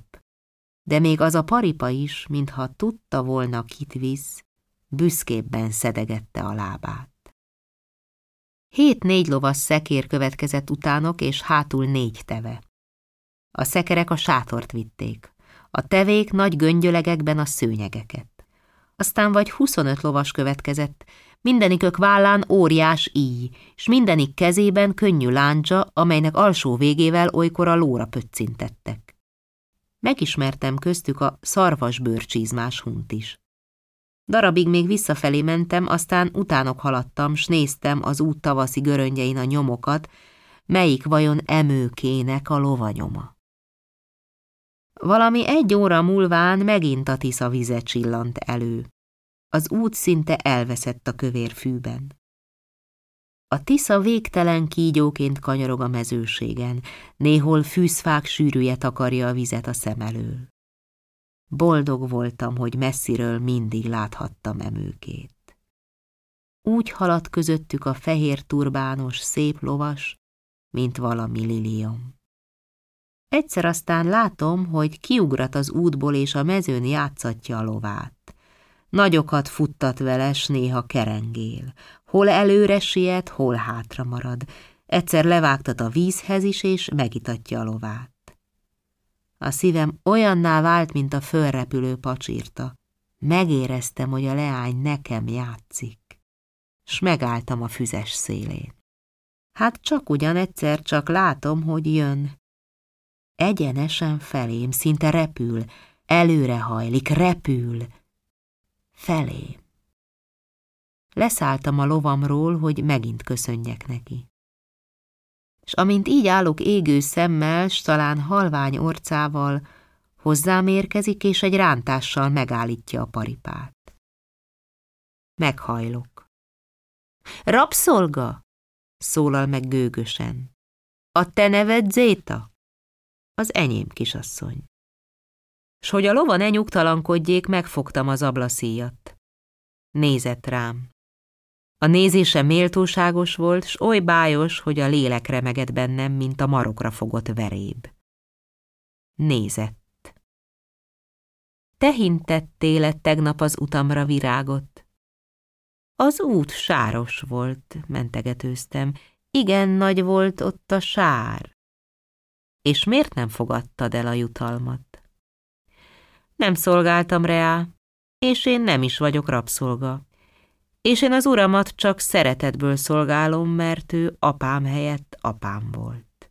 Hebegtem össze-vissza, ő csak nézett nyugodtan, szigorúan. Adósod én nem lehetek. Állj meg anyámnál a lovaddal. Mondtam már neki, mit tettél, fogadd el, amit ad. Bocsáss meg, kisasszonyom, bókoltam. A te szavadat én mindenben parancsként követem, halálig is, ha kívánod, de ezt nem lehet, hanem ha nem akarsz adósom maradni, engedd meg, hogy a köntösöd szegélyét az ajkamhoz érinthessem. Nem felelt, tán azon tűnődött, hogy mit feleljen. Én meg odahajoltam a lábához, és megcsókoltam a köntösét boldog áhítattal. S hogy eközben a kezére tévedt a tekintetem, mámorosan rebegtem. Óha kezed is megcsókolhatnám ezt a szép tündérkezet. Szemtelen! riadt rám villámló tekintettel. Szemtelen kutya! S lovagló veszélyével rácsapott az arcomra. Visszatántorodtam. Az ütés tűzként égetett. Éreztem, hogy vér csordul a nyakamon. A leány elporoszkált, én meg leültem az út szélére. Csak bámultam magam elé bután, gondolattalanul. Szív helyett mintha egy nehéz malomkerék forogna lassan a mellemben. Fél óráig ültem-e úgy, vagy egy óráig, nem tudom, Gondolataimban összekavargott a világ mindenség. Hát mi rosszat cselekedtem én? Olyan nagy bűne az, ha megcsókolunk egy kezet? A leány keze is csak kéz. A késcsók tiszteletnek a jele. Egy kicsit megszédültem a szépségétől, s megóhajtottam csókolni a kezét. Bűn volt? Ő ment volna jobbra, én balra. Talán nem is találkoztunk volna többé az életben, el is felejtettük volna egymást. Lódobogásra ocsúttam föl. Azt véltem, az én lovam nyargaláz, de nem az volt. Az én lovam nyugodtan legelészett a mezőn. A leány tért vissza. Megállt előttem. Én nem néztem föl. A harag átszikázott rajtam, mint a villám a komor fellegen. Éreztem, hogy ember vagyok. Ha ő Jupiter leánya volna is, én meg csak egy tinó, nem volt oka arra, hogy megüssön. Zéta, szólott lágyan a leány, te jó fiú vagy, s nem tehetsz arról, hogy az eszed kevés. A te hazádban mások a szokások. Itt ez a fátyol, kösd be az arcodat. Lerepesztette a fátyolából egy darabot, és átnyújtotta. Nem feleltem. Rá se néztem. Egy percig tartotta a fátyolt, aztán eldobta. Hallottam, hogy a lovát megcsapja, és elporoszkál. Csak menjen. Micsoda jogom vett meg ennyire engem. Semmi közöm az ő rangjával. Nekem a hun király nem királyom, és nekem a hun mágnások nem mágnásaim. S ha ő azt mondja is, hogy megbánta, amit tett, a seb az arcomon marad, megvetem őt. A vízhez ballagtam, s lemostam a vért az arcomról. Lódobogás közeledett megint. Föltekintettem. Ő tért vissza. Talán bizony megint, hogy megüssön. Ezt már nem tűröm el. Fölkeltem, néztem vadul, elszántan. A leány odajött, és felvetette a fátyolát. Visszajöttem, mondta melegen mert haragszol rám. Nem bírom elviselni, hogy valaki haragudjon reám, ha csak állat is. Hát, itt a kezem. Megcsókolhatod. Köszönöm, feleltem büszkén. Már nem kívánom. A leány arcából elsápadt minden eleven szín. Sötéten nézett rám, én meg büszkén néztem vissza. Így álltunk egy minutumig. Azután megrántotta a lovaszáját, megcsapta, elporoszkált.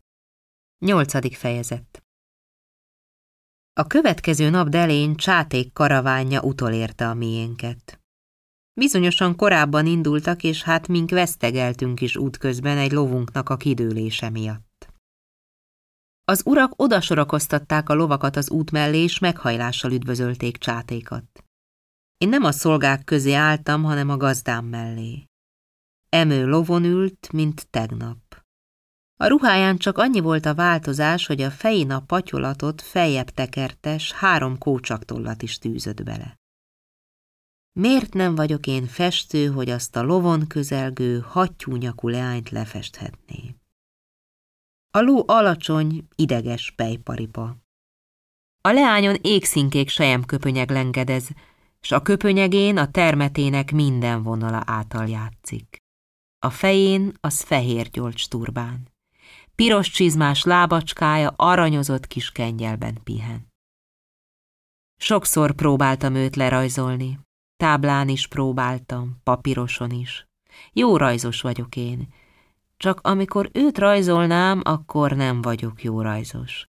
Sem ő nem az, sem a lova nem az pedig úgy látom őt olyan elevenen, akár csak magamat, mikor a tükörbe nézek. Elhaladtak mellettünk.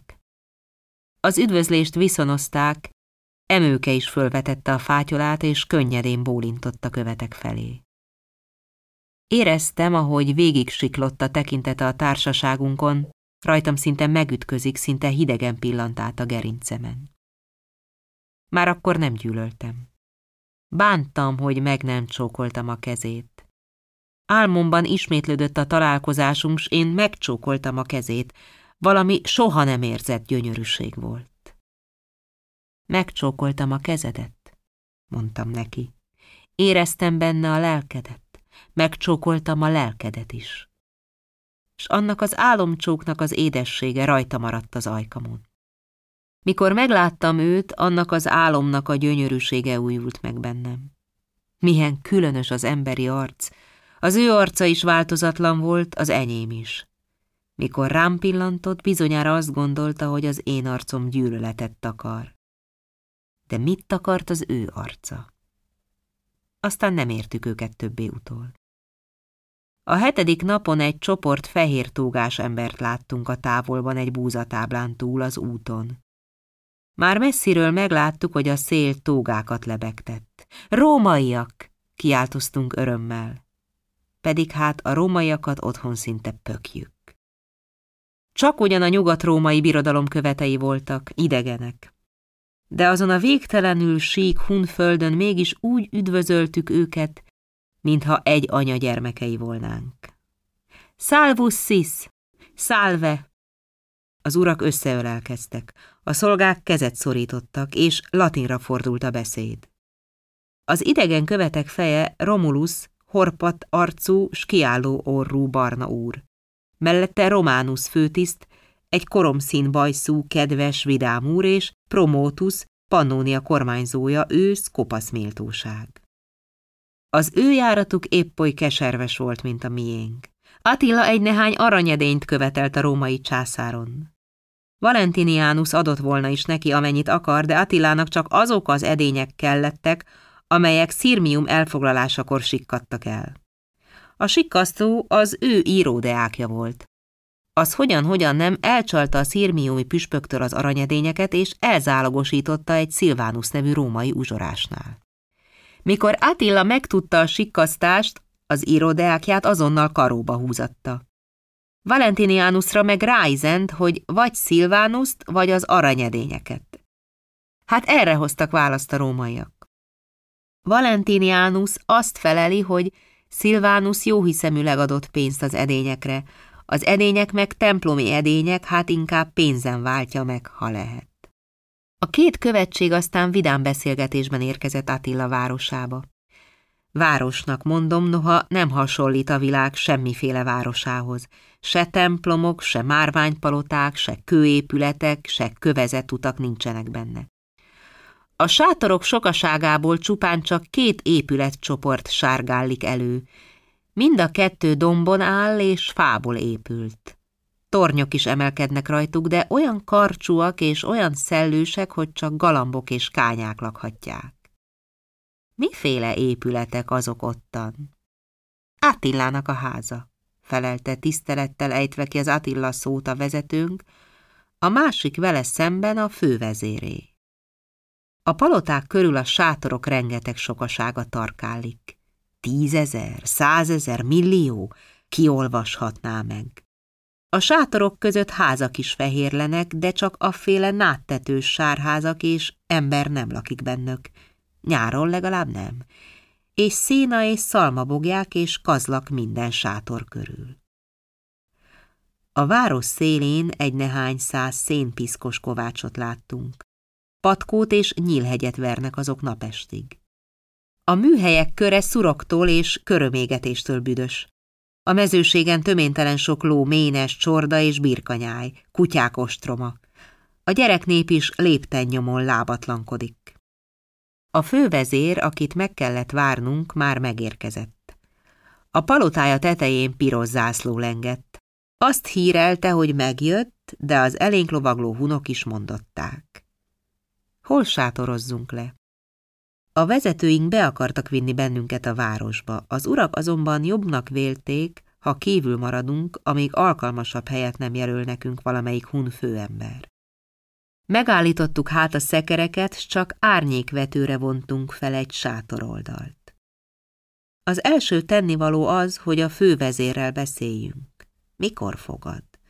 Lóra ültünk hát hárman, az uram, Rustikiosz meg én, s mentünk a vezető után.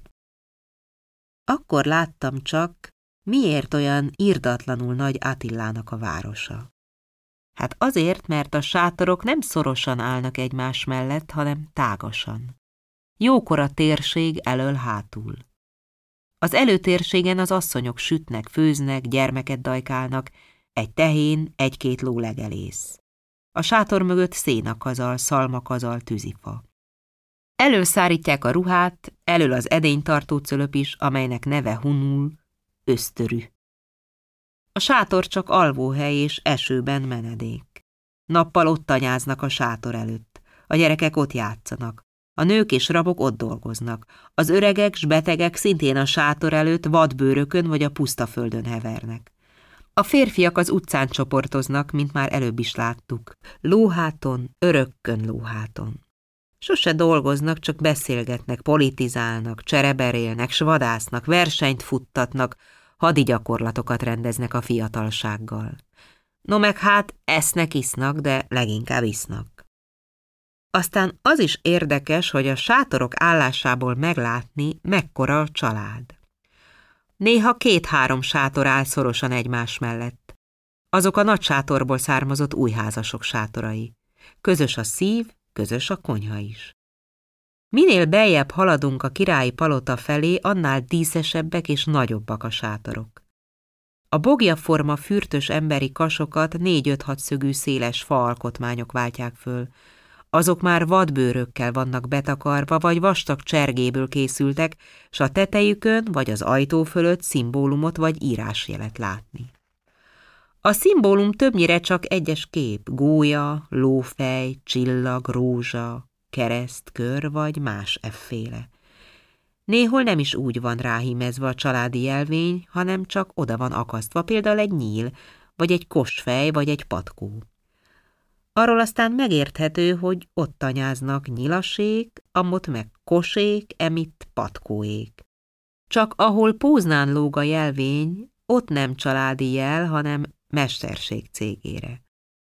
A varga sarmut akaszt ki, a sátorméves keresztbetett rudat, az ács szekercét, a szagitárius vörösre festett íjat, a szűcs kis subát, a fegyverkovács kardot, a patkolókovács lópatkót. De nem igen patkolják ezek a lovaikat.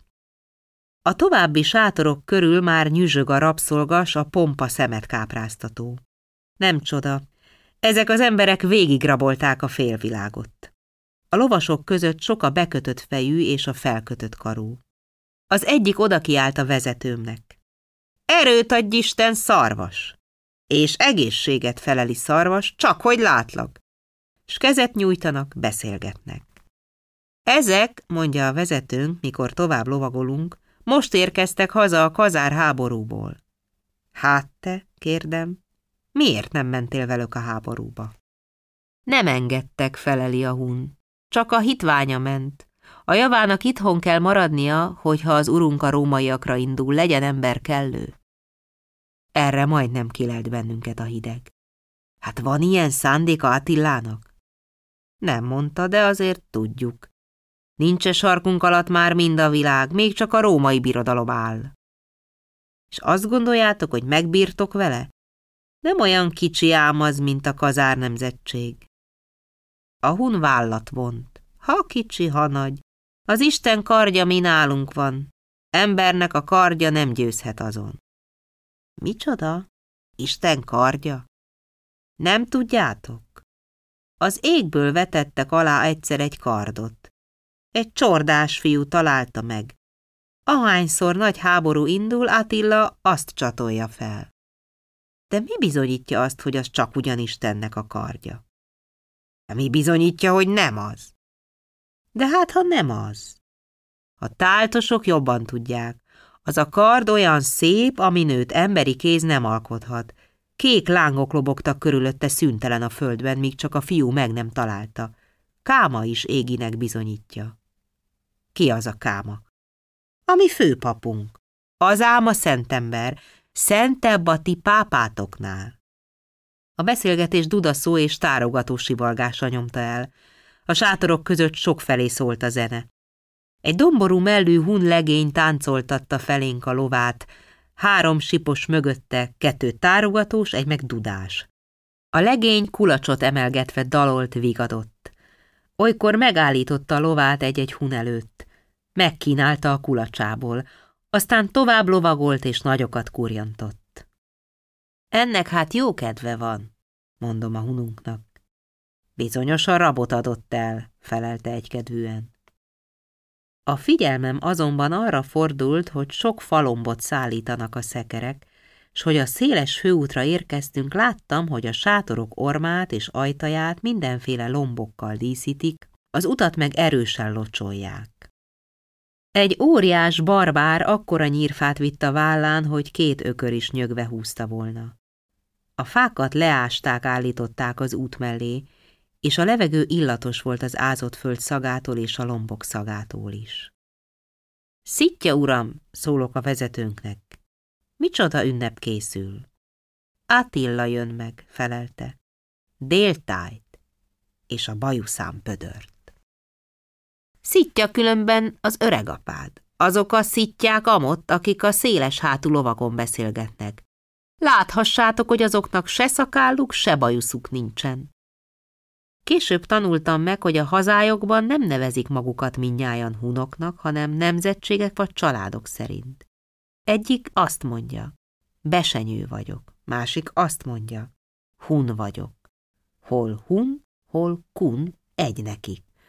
A többi mondja, magyar vagyok, kozár vagyok, avar vagyok.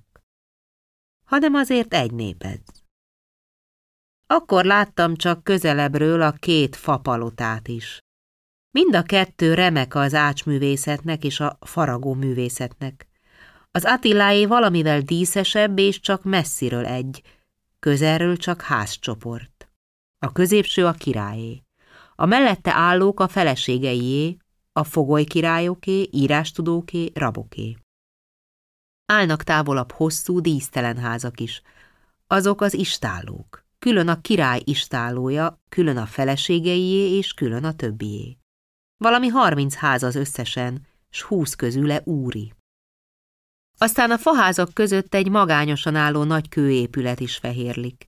Nem valami szép alkotás, csupa apró kerek ablak, az is mind magasan és persze csupa üres lyukablak, de mégis kőház. Az uram ugyancsak elbámult rajta, mert hetekig járó földön nem láttunk követ akkorát sem, mint az öklöm. A késői napokban tudtuk meg, hogy az a kőház fürdő, s hogy azt egy szírmiumba való rabszolga építette. A követ messziről hordták oda szekereken. A fővezérség és a királyi palota között akkora térség kereklik, hogy talán lóversenyeket is rendeznek rajta. A téren nincs egyéb, csak egy vén hársfas, alatta egy nagy négyszögletű vörhenyeges kő, de akkora, hogy egy darabban akkora nagy követ még nem láttam. Később tudtam meg, hogy oltár az. A tér másik sarkán gémes kút áll. Onnan keletre nézve széles utca nyílik. Le lehet rajta látni egy fűszfaerdőig. Később tudtam meg, hogy a Tisza folyik ottan. A fővezért éppen az udvarán találtuk. Lóháton ült, és valami ötven előkelő hunifjúnak magyarázott valamit. Az ifjak pompás díszesen voltak öltözve.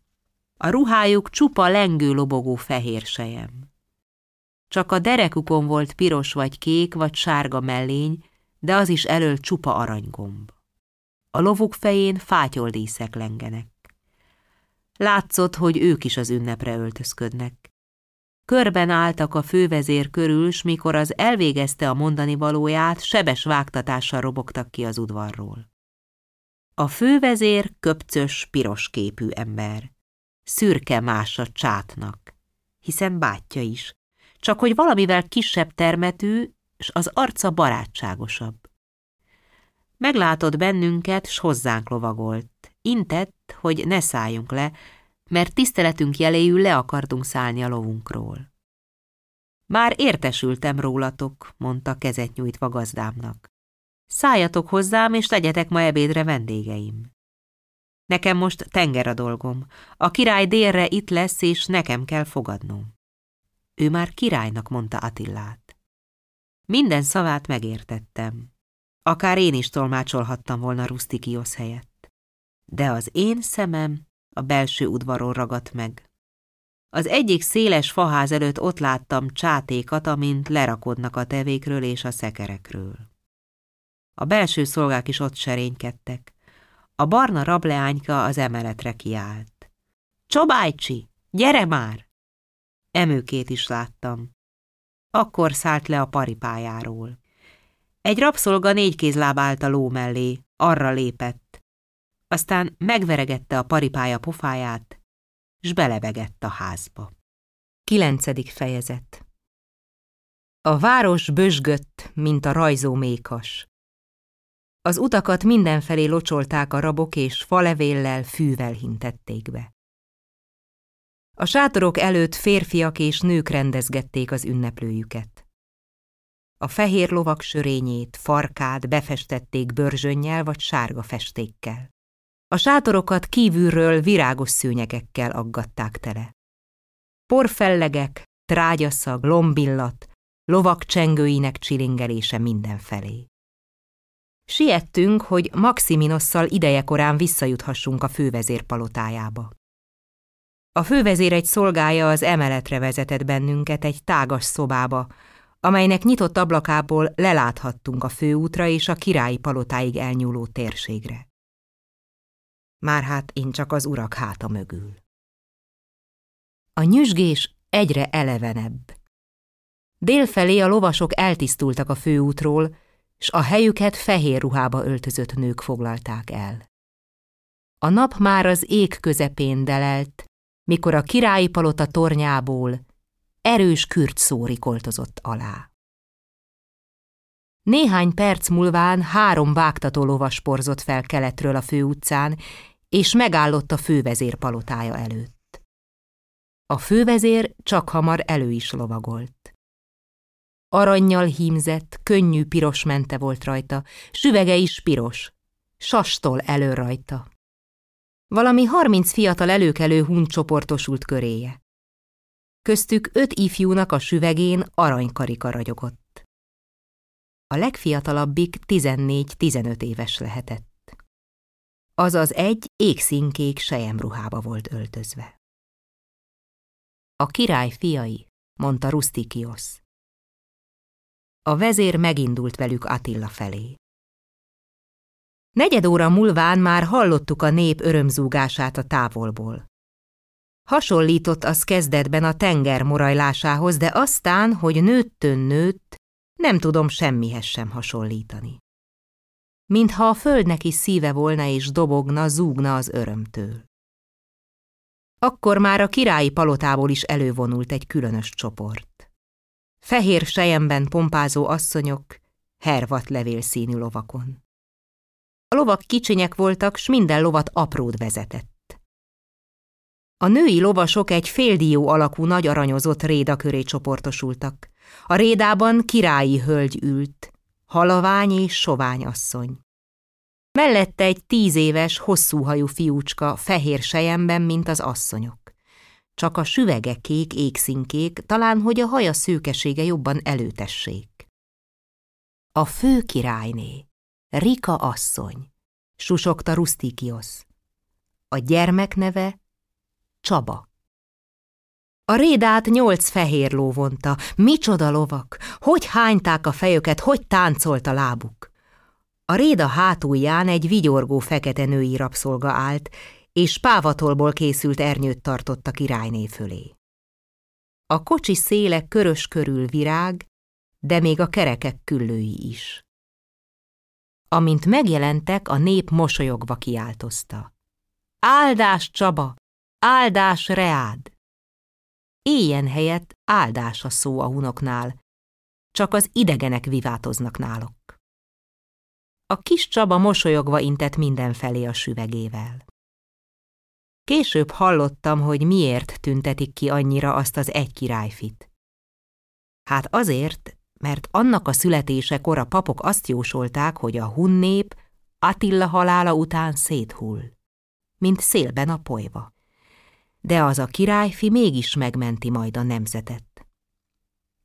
A jóslatot nemigen hitték, de azért a kis királyfi kedves volt mindenki szemének. A királyné mellett lovagló tündérek között megismertem emőkét. Repülj szívem a mennyországba, hát repül is, ott repes mellettem, míg csak meg nem gyorsul a réda. Csak hamar eltűnik ez az álomkép csoport. de íme előföllegzik a királyi násznép utipora. Napsütésben gomolygó aranyköd. Legelőször is kilovagol belőle egy kunkorgós bajszú zászlós vitéz. A zászló nagy, fehér. Rajta arannyal hímzett sasröpköd, hun nyelven kurul, de turulnak is mondják. Következik egy gyalogzenekar. Vérszín piros a ruhájuk. Hangszerük fából való tárogató és dob, meg különféle csontból való sípok, két nagy részcsincsa, egy néhány csengősbot, apró ezüst csengők rajtok. A muzsikusok százon is vannak. Az egyik dobosuk szerecsen. A többi zenész se lapos orrú hun. Lehet különben, hogy hunok, csak hogy a muzsikus hunokat talán gyermekkoruktól kezdve nevelik a zenére, és azért nem lapítják be az orrukat. A hun zene különös a római fülnek, de jól lehet rá lépni. Annyiszor hallottam az ünnepi utcai melódiájukat, hogy nem nehéz lekottáznom. Hát, ez az. A zenészek mellett az öt-tíz éves rabgyerkőcök nagy raja ugrál, ficánkol újjong a zene örömére. Egyik még kereket is hány közben-közben. A zenészek nyomán aranytól és ezüstől ragyogó lovasok jelennek meg. Valamennyinek a süvegénél araszos zöld gajjacska és gyöngyvirág vagy tulipán. A nép mind a főútra tolong. Az első sorban a hunleányok és hunasszonyok állnak. A sok leány csupa fehér fátyol. A fátyolok alól előcsillog az aranylánc, aranyfüggő, aranykarperec, aranymelboglár, gyémánt homlokcsillag. A fiatalasszonyok fején aranypillangós női süveg. Azokon is annyi az arany, hogy káprázat. Áldás! Közeledik, s nőttön nő az öröm hangviharja. Attila nagy fehér paripája léptet elő, büszke nyakát hányva, mintha tudná, kit visz. Mellette lovagol jobbról a kis Csaba királyfi, balról a fővezér. Mögöttük a királyfiak. Utánok vonul be az asszonyhad. Rika királyné aranyozott rédájában az új menyecske. Az arcát nem látni. Oly sűrűn befátyolozta, csak a fején zöldellő koszorú jegyzi, hogy ő a legújabb. A rózsalevélből csinált koszorún mogyorónyi gyémántok csillognak. A rédát a királynék és udvari hölgyek rajozzák körül. Most már nincs az arcukon fátyol. Emőkét ismét megismerem köztük. Milyen szép, milyen méltóságos. A lovat egy aprót vezeti. A fátyolát ő is hátravetette, s beletűzte a végét aranyos övébe. A fátyol nagy divat nálok, és én nekem is tetszik. A nők minden ünnepi alkalommal fehérbe öltöznek. Az előkelő nők hétköznap is. Mikor Attila odaért a nők sorához, a sok asszony, a sok leány valami hundalba kezdett. Ennyi nőt egyszerre énekelni soha se hallottam. Ha nem láttam volna őket, azt hittem volna, hogy meghasadt a menny, s az angyalok millióinak kara hangzik le a földre. A fővezérháza előtt lombokból összeválogatott széles ernyő alatt álltak a hunvezérek asszony népei és az öreg mamák. Egy csúnya kövér vénasszony mérgesen nézett reám, nem tudom miért. Amint Attila közeledett, azok is eléje indultak, s az út közepén csoportosultak össze. A fővezér felesége tálat tartott a kezében, s egy másik asszony serlegett. Mikor Attila hozzájuk érkezett, a süvegéhez emelte a kezét, és üdvözletet intett nekik. De akkor is szimpla szürke ruhába volt öltözve, csak a süvege volt tornyosabb a többiénél, s valami különös, nagy gyémántos forgó villogott rajta. No meg a paripájának a szerszáma volt csupa tündöklő égkő, gyöngy, rubin, zafír, smaragd, a szivárvány minden megkövült színe. A tálat és serleget ezüst asztalkára tették, és két aprót fölnyújtotta Attilának. A király kivett egy falat ételt. Én bizony nem láttam jól, hogy kenyér volt-e vagy hús. Valami jelentősége volt annak az egy falat ételnek és egy korty italnak. Talán azt mondták vele, hogy a hazatérőnek az itthon való étel és ital a legkedvesebb.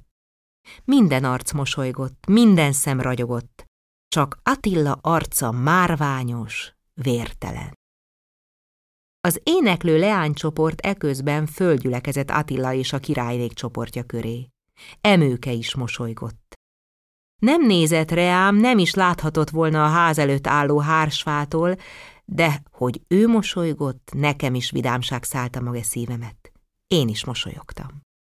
Abban a pillanatban szerettem Attillát, a hunnépet, a lószagot, az ünnepet, a napot, a földet, szerettem volna megcsókolni mindenkit, még a lovakat is. Aztán Attila tovább haladt, s utána húzódott a hosszú sereg is. Minden lovon színes fátyolok, minden süvegen virág.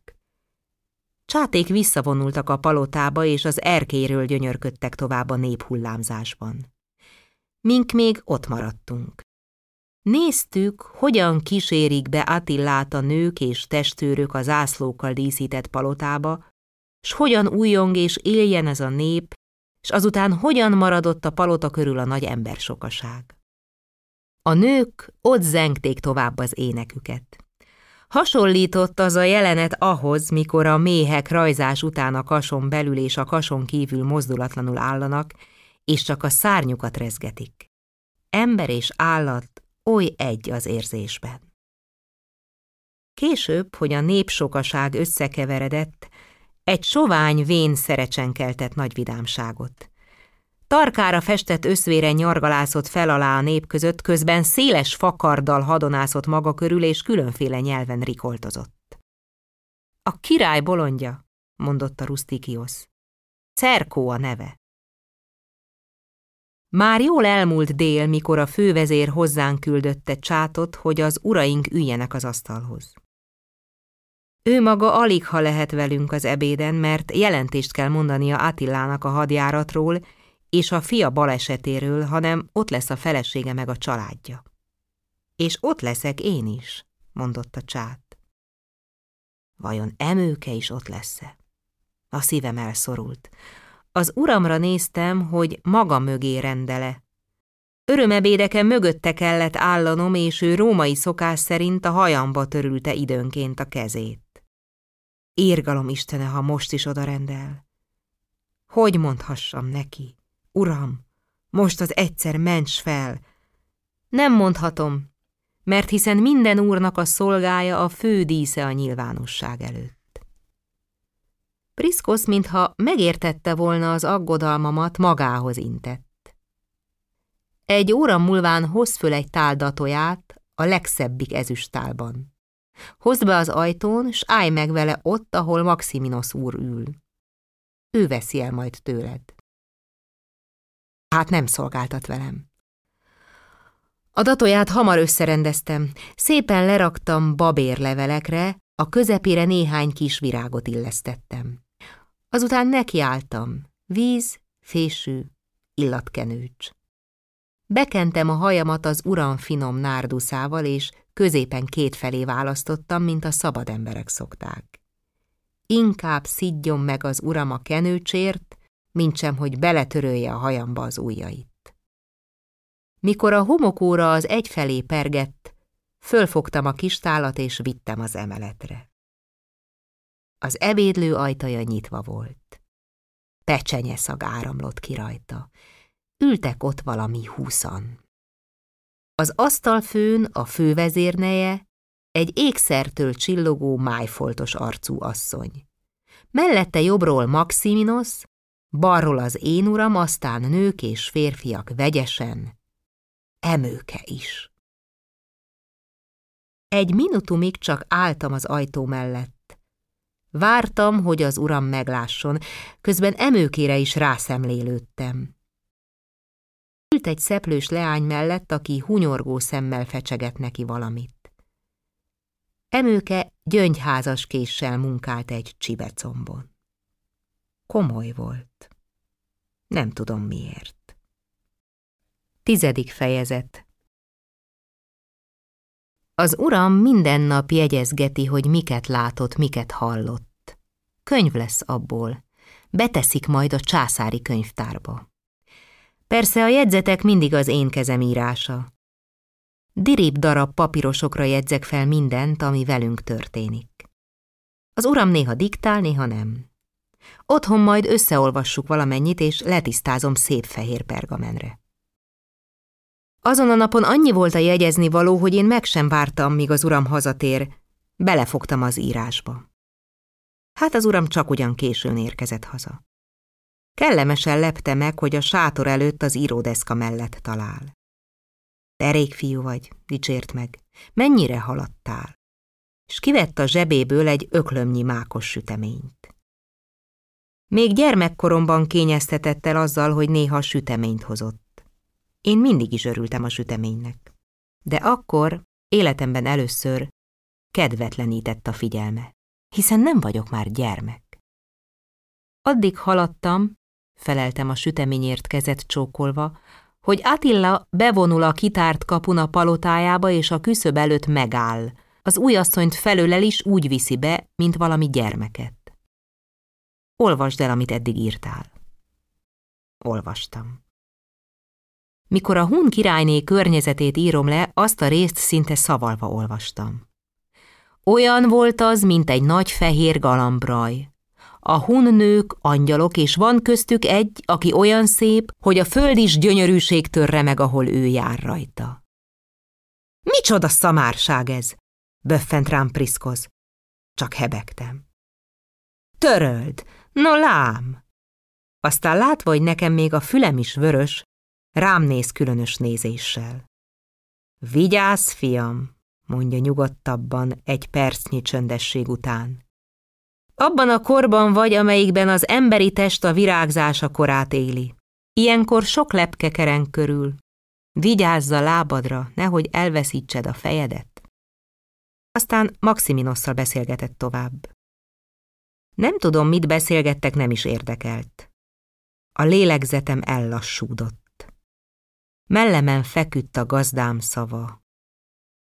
Ebben a korban a testi virágzás vigyázz a lápadra. Igaz a szava.